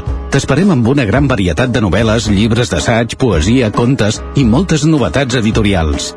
I per anar ben equipat a l'escola tenim motxilles, estoig, carpetes, llibretes, bolígrafs i molt més.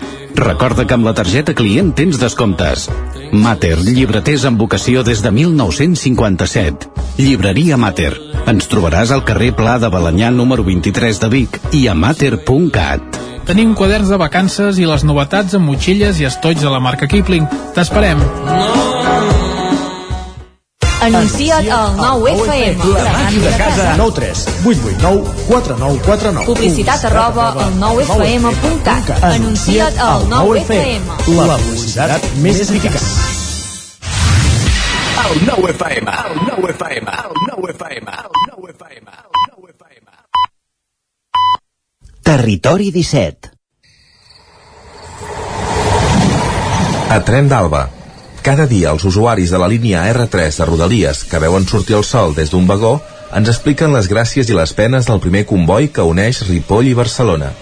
Benvinguts a Tren d'Alba. Avui completaré la informació de l'odissea que van viure els passatgers de l'R3 que es van quedar atrapats a l'estació abandonada de Montcada i Reixac Sant Joan per una avaria. Segons explicaven els usuaris, l'única alternativa que se'ls va oferir va ser baixar del tren i anar a la següent estació, que era a Manresa i estava a només 5 minuts a peu. El problema és que l'estació estava tancada a pany i forrellat i una tanca els separava del carrer. Com que ningú tenia les claus, els usuaris van haver de fer una classe d'escalada per poder sortir d'allà. Algun viatger es va fer un tall a les mans, es va posar en risc la seva integritat física i se'ls va tractar d'Indiana Jones. A més, entre els passatgers també hi havia persones grans. En fi, us deixo amb en Jordi Valls perquè ens expliqui com va tornar ahir de Barcelona. Bona tarda, sóc en Jordi i ja sóc a Centelles. El tren de les 16.15 a plaça Catalunya ha arribat 3 minuts tard. Ei, no estàs gens malament. A més ha estat molt xulo, perquè ens hem trobat força colla del tren i hem rigut molt, hem xerrat i hi havia una cosa que parlàvem. Fa dies que no veiem interventors i interventores al tren. La figura del revisor no és tan sols per demanar bitllet, és per seguretat, per informar. I ho llegeixo, soc friki que busco. Funciones. Están incluidas en la categoría de los agentes que tienen a su cargo la comprobación de los títulos de viaje correspondiente. Ejercen la vigilancia y policía para el buen uso de los coches de viajeros y el debido cumplimiento de las prescripciones. Y al final, diu, facilitan a los viajeros las informaciones que les interesan sobre itinerarios, horarios, enlaces y, ojo, detenciones en ruta no previstas y superiores a su parada. O sigui, la moguda de divendres amb un tren, potser amb un interventor o interventora hagués estat diferent. A on són? I no tan sols ells i elles, sinó també el personal de seguretat. Fa, gens que no, fa temps que no en veiem. És un tema de seguretat, de sentir-se segur i sentir-se bé, i també sentir-se atès. Va, a veure si les tornem i les tornem a veure, que toca. D'acord? Vinga, que una renfe qualsevol no us espatlli la màgia del tren. Adéu-siau. Doncs sí, l'altre dia el Consell Comarcal del Ripollès va aprovar una moció per tal de dotar els trens nocturns entre Vic i Ripoll amb revisors i vigilants nocturns, que es veu que a partir de certa hora baixen a la capital d'Osona. El problema que ens comentes és que aquesta deixadesa de funcions no és exclusiva de la nit i d'aquest tram de la R3, sinó que s'expandeix arreu de la línia. Punt negatiu per Renfe. Va, ens retrobem demà amb més històries del tren i de la R3. Territori, Territori 17. 17. Territori 17.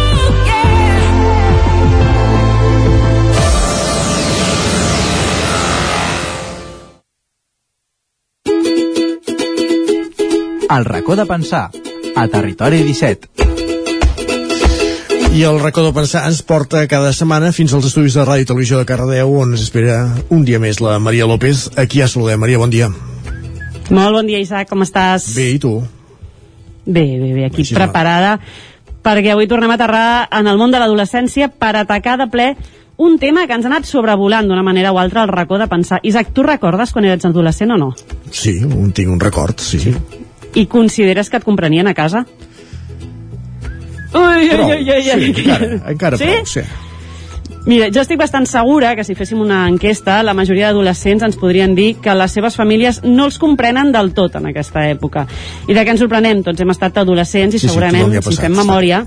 Exacte, tots ens va passar una mica aquesta fase, no?, de és que no m'entenen a casa. Però el més curiós d'aquesta situació és que si preguntem a les famílies què diran que no entenen els adolescents. I això que ara ens sembla tan bàsic, quan ens hi trobem, eh, ens enganxa com de nou, no? I llavors venen aquelles frases de és que no l'entenc, és que passa de tot, és que pensa que és el centre del món, és que, és que, és que, és que... Però què fem davant d'aquests és que, no? Però qui no entén realment aquí? Per què aquesta incomprensió mútua? Realment fem un esforç per entendre'ls? O ens és més fàcil ficar-los a tots al calaix desastre de l'adolescència, creuant dits perquè tot això passi ben ràpid? Quina part de responsabilitat també tenim nosaltres en tota aquesta incomprensió mútua? Quines eines podem fer servir davant de tot això? Per parlar de tots aquests tips i totes aquestes qüestions, avui contem a l'estudi amb la Balbina Prat. Ella és psicopedagoga a l'Institut El Sui de Cardedeu. Bon dia, Balbina. Hola, bon dia. I contem també amb en Gerard Santies, educador de suport intensiu d'Escola Inclusiva, que per cert és de Vic. Bon dia, Gerard. Bon dia a tothom. Ja, ho hem deixat clar, eh? Quan ha dit això ens passa en relleu de Vic i m'ha dit jo sóc de Vic. Veus? Que quedi, que quedi ben marcat. Veus? Ja tenim un, un... Com es diu? De Vic? Bigatans. Bigatà. Tenim un bigatà. Escolteu, Balbina, Gerard, qui no entén aquí en aquesta època? Bueno, jo he de dir que encara continua passant avui dia és quan parlo amb ma mare, eh? que a vegades dic "És que no m'entén, eh? no m'entén. O sigui que... Però l'adolescència ja l'hem passat, no? Sí. Vale.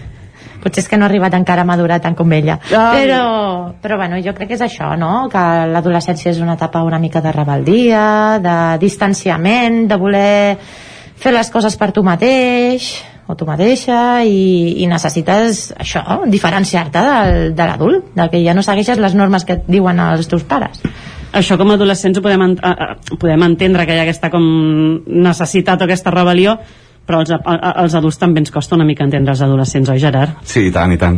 Els adults el que, el que acostuma a passar és que estan en l'etapa adolescent i els hi poses com una etiqueta i els deixes com una mica de banda.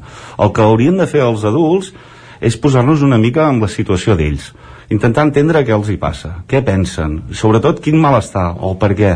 I tot això costa molt perquè en l'etapa d'adolescència, com he comentat abans, hi ha un punt de rebuig i de bloqueig, sobretot envers els pares.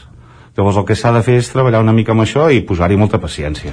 Comencem pel principi. Per què penseu, o quina necessitat hi ha durant aquesta etapa de rebutjar quasi de manera sistemàtica, diríem molts, molts adults, no? Eh, sembla que, que sigui un no constant, de rebutjar les opinions o, o les coses que venen per part de l'adult. forma part de l'adolescència, estan en un procés en el que ells estan creant la seva pròpia identitat. Ja no es defineixen pel que em diuen que sóc, sinó vull ser el que jo pensi, no? I, i formar-me aquesta identitat i aquest desenvolupament de la personalitat que s'està fent durant aquests, aquests anys de 12, 13, 18. És un pas a l'adultesa. Però és un, hi ha quasi una negativa sistemàtica, no? Vull dir, una cosa és que un es defineixi eh, i ja no estigui d'acord amb tot el que, amb què diu l'adult de casa, i una altra cosa és quasi com, com una oposició automàtica, o això és la manera que tenim de veure-ho els adults, que ens dona la sensació que, que ens pesa massa ara que ens partim És un contrària? qüestionament, diria. Més que una oposició, és un qüestionament de la norma.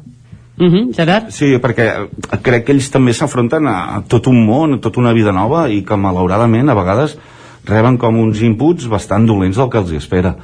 O sigui, aviam, eh, no tenen una feina quasi bé assegurada, els estudis els hi costa, llavors ells mateixos es van com tancant i provoquen aquest rebuig i aquest malestar, que acaben dient que tot és una merda i que, que bueno, més coses no, no vull dir aquí. Però sí, malauradament són aquests els comentaris que ens deixen anar. I és a, a causa d'aquesta frustració de que veuen un futur molt incert i que alhora tampoc els hi agrada el que veuen del futur. Llavors ells mateixos per autodefensa les acaben com bloquejant. Feia només uns dies sortia un article a l'Ara Criatures, al diari Ara Criatures, que parlava una mica del passotisme dels adolescents i un dels raonaments que donava, no sé si estareu d'acord o no, és eh, com una mena de sensa sensació d'abandonament per part dels, dels educadors, no? els mares, pares, pel fet de que durant la infantesa s'ha estat molt pendent, de fet segurament, i aquí n'hem parlat sovint al racó de pensar, amb un accés de, de protecció i de i de fer-los quasi tot i de cop és com que arriba l'adolescència de la nit al dia esperem que sàpiguen fer-ho tots perquè ja els veiem com mig grans i llavors hi ha com un abandonament. Aquestes eren afirmacions que hi havia en aquest article de, sobre el passotisme al diari Ara Criatures. No sé si esteu d'acord amb també eh, aquest abandonament repentí que això pugui suposar també com un enfado per part de l'adolescent. És que aquest abandonament jo crec que també ve molt alimentat per part de l'adult o sigui, ells eh, es tanquen, troben aquest punt de, de frustració, de passotisme, però l'afronten en el sentit de que el que se'ls ofereix, torno a dir, eh, de futur, o que se'ls ofereix de, de, de, de recurs dels pares, eh, ells o no els hi agrada o no els hi encaixa o no creuen que no se'n sortiran bé i això fa que, que acabin amb aquest passotisme, amb aquest tant me fa, aquest més igual, aquest no vull fer res. És por, quasi.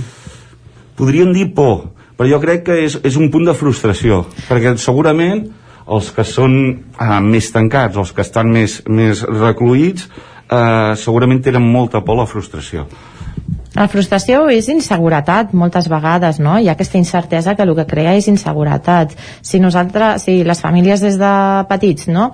En aquest acompanyament de la persona eh, anem que ells vagin assumint unes certes responsabilitats que el que els hi donarà serà més autonomia. Mm, si ho fem això com un procés gradual quan arriben a l'adolescència no és un, un punt marcat de ara ja a partir d'aquí tu sol no, tu assumiràs més responsabilitats, has anat creixent i ara en tindràs més perquè t'has de fer cada vegada més autònom perquè estàs a un pas de ser adult i hauràs, i llavors sí que et quedaràs no sol, perquè sempre tens una família tens uns amics, un, un entorn que et recolza però sí que hauràs de ser autònom del tot i, i potser és aquest canvi no? de, de, potser a vegades sí que hi ha un suposo que hi haurà alguna equivocació el que sigui que, que arriba un moment que potser aquest salt és massa de cop, no? Té, t'has fet adolescent, ara ja has d'assumir totes aquestes has responsabilitats. Has de saber fer de tot de Exacte. la nit al dia, no? Exacte, però si això ho fem amb un procés gradual, no es nota tant aquest trencament. Aquest abandó una Sí. mica. Feia poc ens visitava la, la psicopedagoga Maria Jesús Comelles i precisament ens parlava d'això, no? Del, del, dintre de l'educació actual eh, hi ha com una tendència una mica gran a sobreprotegir moltes vegades o a facilitar-los molt la vida, no? El, jo et faig la bossa d'esport per demà, jo a, a que aquest dia a dia des de petits que parlàvem eh, els hi donem molt fet amb una falta d'autonomia però és això, no? I, ella mateixa em deia i de cop tenen 14 anys, 13-14 i esperem que se sàpiguen fer la bossa que se sàpiguen fer l'esmorzar, que se sàpiguen i si no ho saben fer, és com que ens enfadem com dient, és que com no saps fer això si ja tens 14 anys? I és, perquè no els hi hem ensenyat mai, durant, perquè fins fa dos dies els hi hem fet absolutament tot, no? I això encara pot marcar una mica més aquesta sensació d'abandonament, no? I que, que no sé fins a quin punt l'adolescència i aquesta incomprensió hi ha quasi com una mica d'enfado per part de, de l'adolescent davant d'aquest canvi, no? No sé. Com ho veieu? Mm, No, no, ho, no ho identifiques com un enfado, Jo- més com jo- inseguretat, potser. Jo, Eh? jo crec que sí, eh, que és una inseguretat, la veritat. És, és el que et comento, eh, el que comentem és, és això, és aquest procés gradual de, de, de que ells han d'anar agafant cada vegada més res, responsabilitats i per part nostra és un acompanyament en tot això. Per mi és que eh, el, que, el que comentava Gerard, de, de que se l'ha d'escoltar molt. I escoltar no vol dir que tot el dia li estiguem dient consells perquè potser això és el que no volen sentir i ells volen poder triar i decidir no el volen consells, però sí que volen que els, que els escoltis. Mm. Això sí que hi ha una gran demanda per part d'ells, ser escoltats. I com has dit tu, Maria, amb el tema de la bossa i això, per exemple, passen d'escola a l'institut i a vegades se'ls dona per fet, home, a l'institut ja ho has de poder fer tu. Val, fes-ho tu. però si s'equivoquen s'ha de tenir una mica de mà esquerra per donar-los com l'oportunitat i no matxacar-los en el sentit d'acusar-los de, de, de que no ho han fet bé o que sigui, sinó recolzar-los, rutina i a partir d'aquí és com assoliran la, les conductes i assoliran la, les maneres de, de treballar. Què passa també? Que quan es fan grans també han de trobar el seu lloc i han de buscar un comú per poder-se com imitar llavors es troben en un grupet o s'identifiquen amb un grupet d'un estil de, de manera de ser i aquest estil i manera de ser en l'adolescència fa que hi hagi també aquest punt com de rebuig dels consells dels pares, com deia la Balbina ara. Mm -hmm. Llavors, ells, ells volen sentir-se sols i sentir-se capaços, però des de casa a vegades potser reben una mica de consells que és contradictori amb tot això que ells volen ser parlant d'aquest rebuig i recuperant també el que dèiem abans no? de, de l'oposició quasi sistemàtica moltes vegades durant aquesta època hi ha un concepte a psicologia que es diu, si no ho dic malament em sembla que es diu matar al padre, que sona com super dur i super cruel, però bueno, es, es deia així que d'alguna manera, no sé si estareu d'acord amb aquesta teoria, és com que la, és com que la necessitat i va una mica també pel que deia abans la Balbina eh? aquesta necessitat de per construir-me a mi mateix necessito trencar amb tot el que em ve com donat de casa, que és l'únic que he rebut fins ara. I la manera de trencar amb tot això és oposar-m'hi d'una manera dràstica, no? Durant almenys una etapa. Després passen 20 anys i acabes dient, si és que sóc igual que ma mare, però fins que no arriba això hi ha com una necessitat de trencament total, no? No sé si esteu d'acord. Sí, sí, i tal com has dit tu, eh, per exemple, en, en el meu cas personal, matar al padre no m'agrada gens. Sé que això ve La de... frase és horrible, sí, sí, eh? Vull dir, l'haurien de reconvertir, no sé si li han posat un altre nom, però... Es, es refereixen més aviat en que quan tu ets un infant eh, veus o visiones el teu pare d'una manera molt, molt gran o sigui, l'idolitzes, el tens com un ídol i quan passes a de l'adolescència el convences a veure com, un, com una persona més igual, amb els seus errors i amb els seus defectes. I a vegades assolir aquest, eh, eh, aquesta nova imatge pot comportar una mica de, de, de rifirrafe. No sé si m'explico bé. Uh -huh. És un punt d'un canvi d'imatge que tens tu. A la que et fas d'infant adolescent, veus el pare d'una altra manera. També suposo que hi ha una part on es perd aquella, aquell punt de, de, de superheroi o superheroïna que veus a la mare, no? de deixar d'idolatrar. Bueno, també és que les xarxes amplien, no? Les, teva, la, les teves xarxes socials es fan cada vegada més grans, ja no només veu, vius amb l'entorn familiar, sinó que ja tens moltes més amistats, t'obres molt més a l'entorn, i això fa que puguis comparar maneres de fer i maneres de ser diferents i, i clar, hi ha aquest distanciament amb, amb la família com una oposició per qui deu ser més dur? Per l'infant que perd aquest, aquest adult com imatge idolatrada o per l'adult que s'ha sentit com indispensable i com una cosa superpoderosa quan ha tingut un infant al costat que li diu, que, que troba que tot el que diu és la bomba, cada cop aquell infant ja el comenci a qüestionar. Qui, qui li costa més aquesta fase? Jo crec que és mútua, eh? Ara, sí, jo que fa poc que he sigut mare, penso que, que arribarà un moment en què no ho sigui tot per la meva filla i, i això mm, farà mal, no?, a nivell personal, però, però també és un trencament, trenques els teus esquemes, eh? És a dir, que per l'adolescent també això és dur. Per què creus que és més dur, tu, Gerard? Um, jo crec que pels dos, jo crec que pels dos. I perquè cap dels dos, tant el pare com el fill uh, no estem preparats per a, per a aquests canvis. Per assumir la realitat de l'altre, eh? clar, clar, és, és molt complicat. Passes d'un rol a un altre vull dir, el tens idolitzat i de cop el veus com, com un igual a tu amb els seus defectes, amb els seus d'allò i, i quan ets gran igual quan un és pare, igual. Veus el teu infant que de cop es fa adolescent i sembla com de la nit al dia com si hagués canviat de, de xip el, el nano i realment ha de ser molt dur d'afrontar això el que passa que potser la diferència jo crec que, que l'adult eh, hi ha un punt d'orgull i eh, l'infant una mica com que vagi cap on vagi el, continues com veient jo crec fantàstic, no? I crec que, que hi ha un punt més d'estima incondicional i suposo que el, el cop per l'infant quan veu certes coses dels pares que diu mm, això ja no m'agrada tant crec que igual la decepció és més heavy, no? Jo crec que sí, eh? que hi ha una estima incondicional bidireccional el, el que passa que és la manera d'expressar-ho no? que eh, a l'adult ho pot racionalitzar més i, i contenir-se potser d'expressar de, certes coses i sobretot de com dir-les en canvi un adolescent té les emocions a flor de pell ho dirà una mica sense filtre les coses Anem a qüestionar-nos, això és el racó de pensar i al final del que es tracta és de dir, val, això ho hem fet sempre així, però, però potser mm, podríem canviar les maneres de, de fer les coses perquè no sigui sempre així, no? Eh, però abans de, abans de començar a buscar eines, que és una de les coses de les que m'agradaria parlar amb vosaltres, també us plantejo, ens ha estat massa fàcil durant molts anys dir això és adolescència, ja se li passarà i tot el que no ens agrada va al calaix d'estar a l'edat del pavo, perquè això és una... a casa meva es fa servir bastant aquesta frase eh? la d'estar a l'edat del pavo ja se li passarà com a manera de consolar-te però en realitat és una excusa per potser no canviar les maneres de fer com ho veieu? Ens tira, tirem massa d'aquesta etiqueta, etiqueta? Jo per part meva opino que sí. Uh, és molt fàcil dir això i, i com separar-se. L'adolescent ja es queda marginat al seu racó i l'adult pues, continua la seva vida normal. És eh, l'edat està adolescent, és l'edat del pau. Eh, torno a dir, per mi és com una etiqueta que no s'hauria de donar. No deixa de ser un input que rep l'adolescent en contra seu.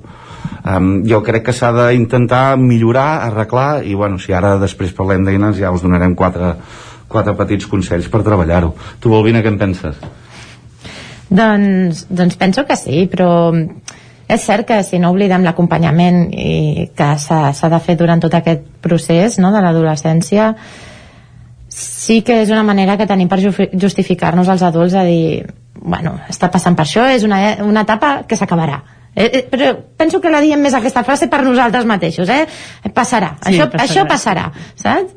Com per no posar-nos, aguantar el tiró, no? Allò de, va, va, ja, ja s'acaba, ja s'acaba. Exacte. Però en realitat això una, una mica ens, ens és com un calmant, no? És com, bueno, ja passarà, però en realitat fa que no canviem masses actituds. Anem a buscar eines, ens posem a treballar.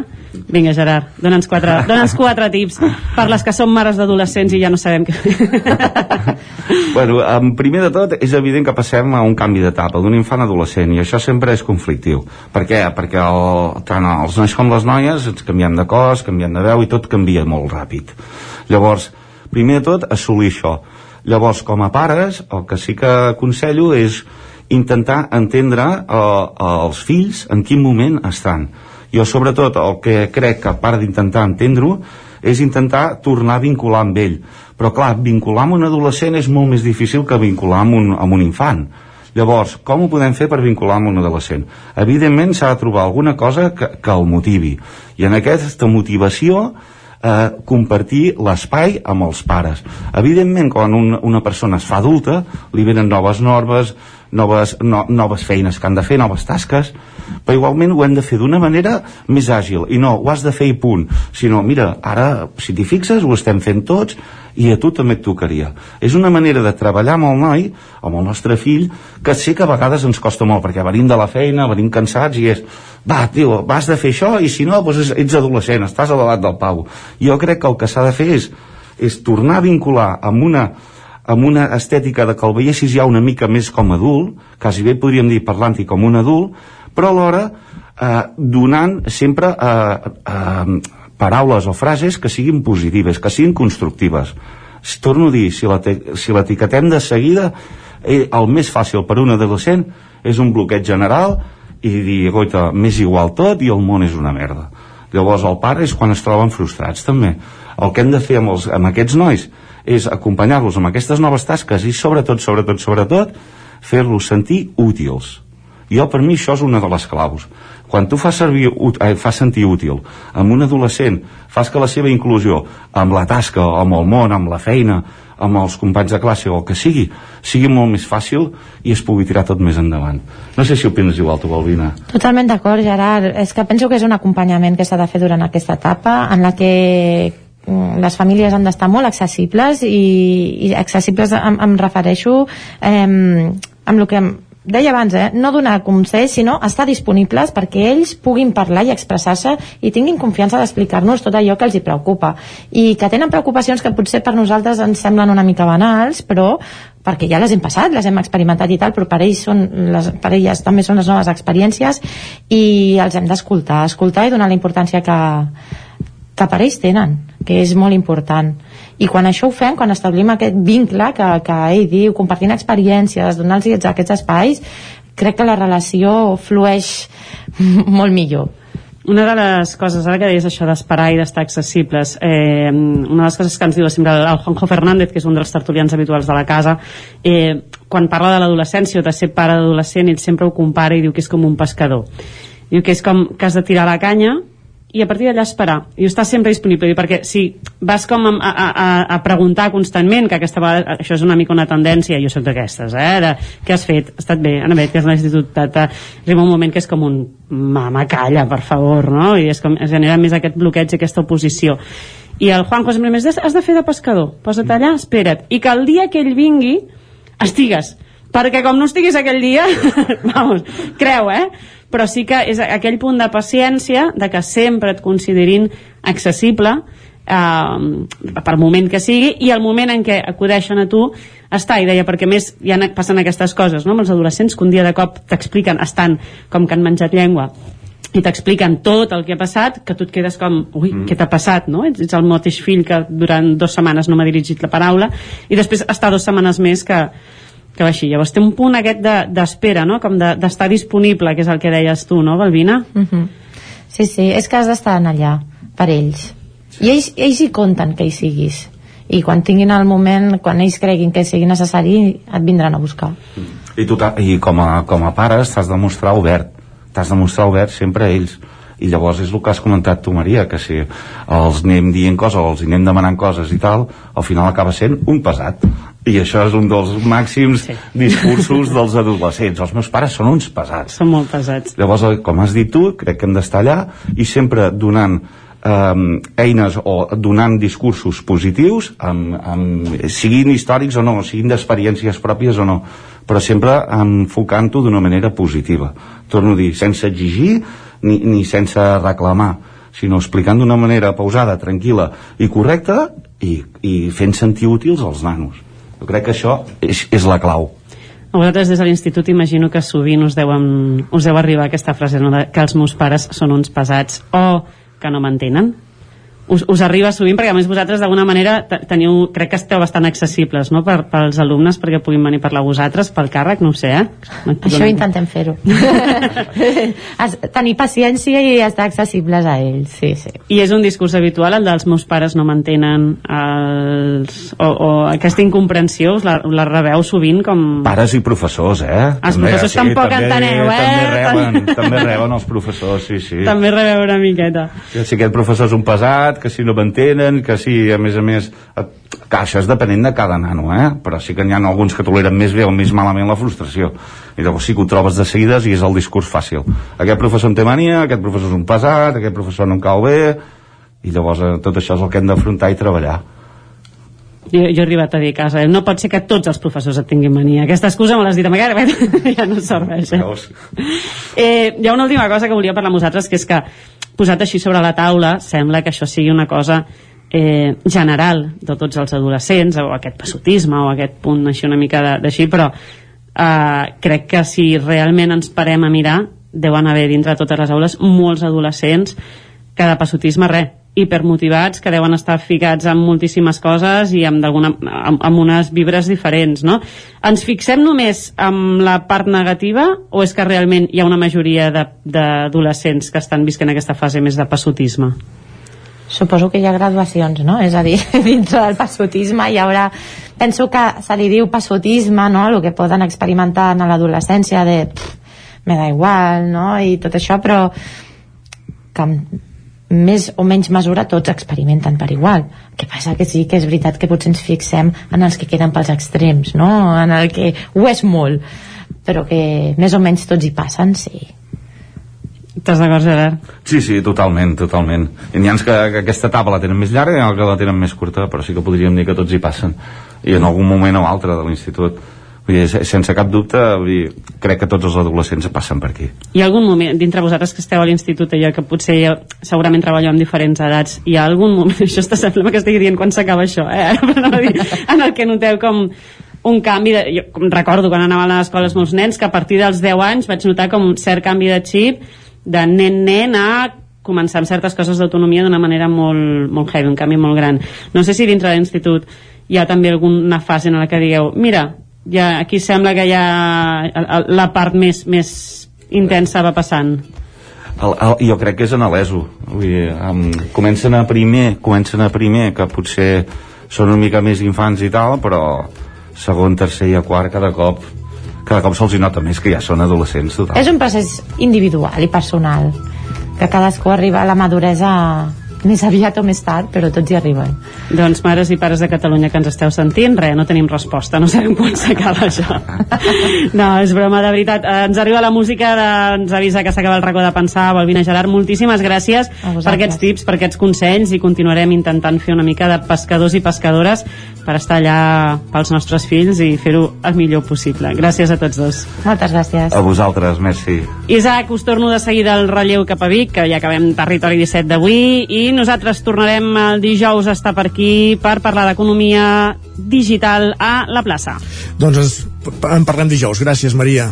Bon dimarts. Acabem aquí aquesta secció, el racó de pensar i acaba aquí també el Territori 17 d'aquest dimarts 23 de novembre de 2021.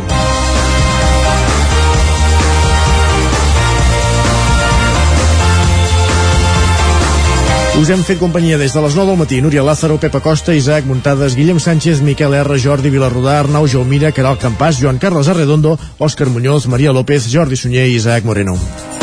El Territori 17 torna com cada dia demà a partir de les 9 del matí. Mentrestant, que vagi molt bé aquest dimarts. Adéu-siau. I resbaudeu-vos de la puja.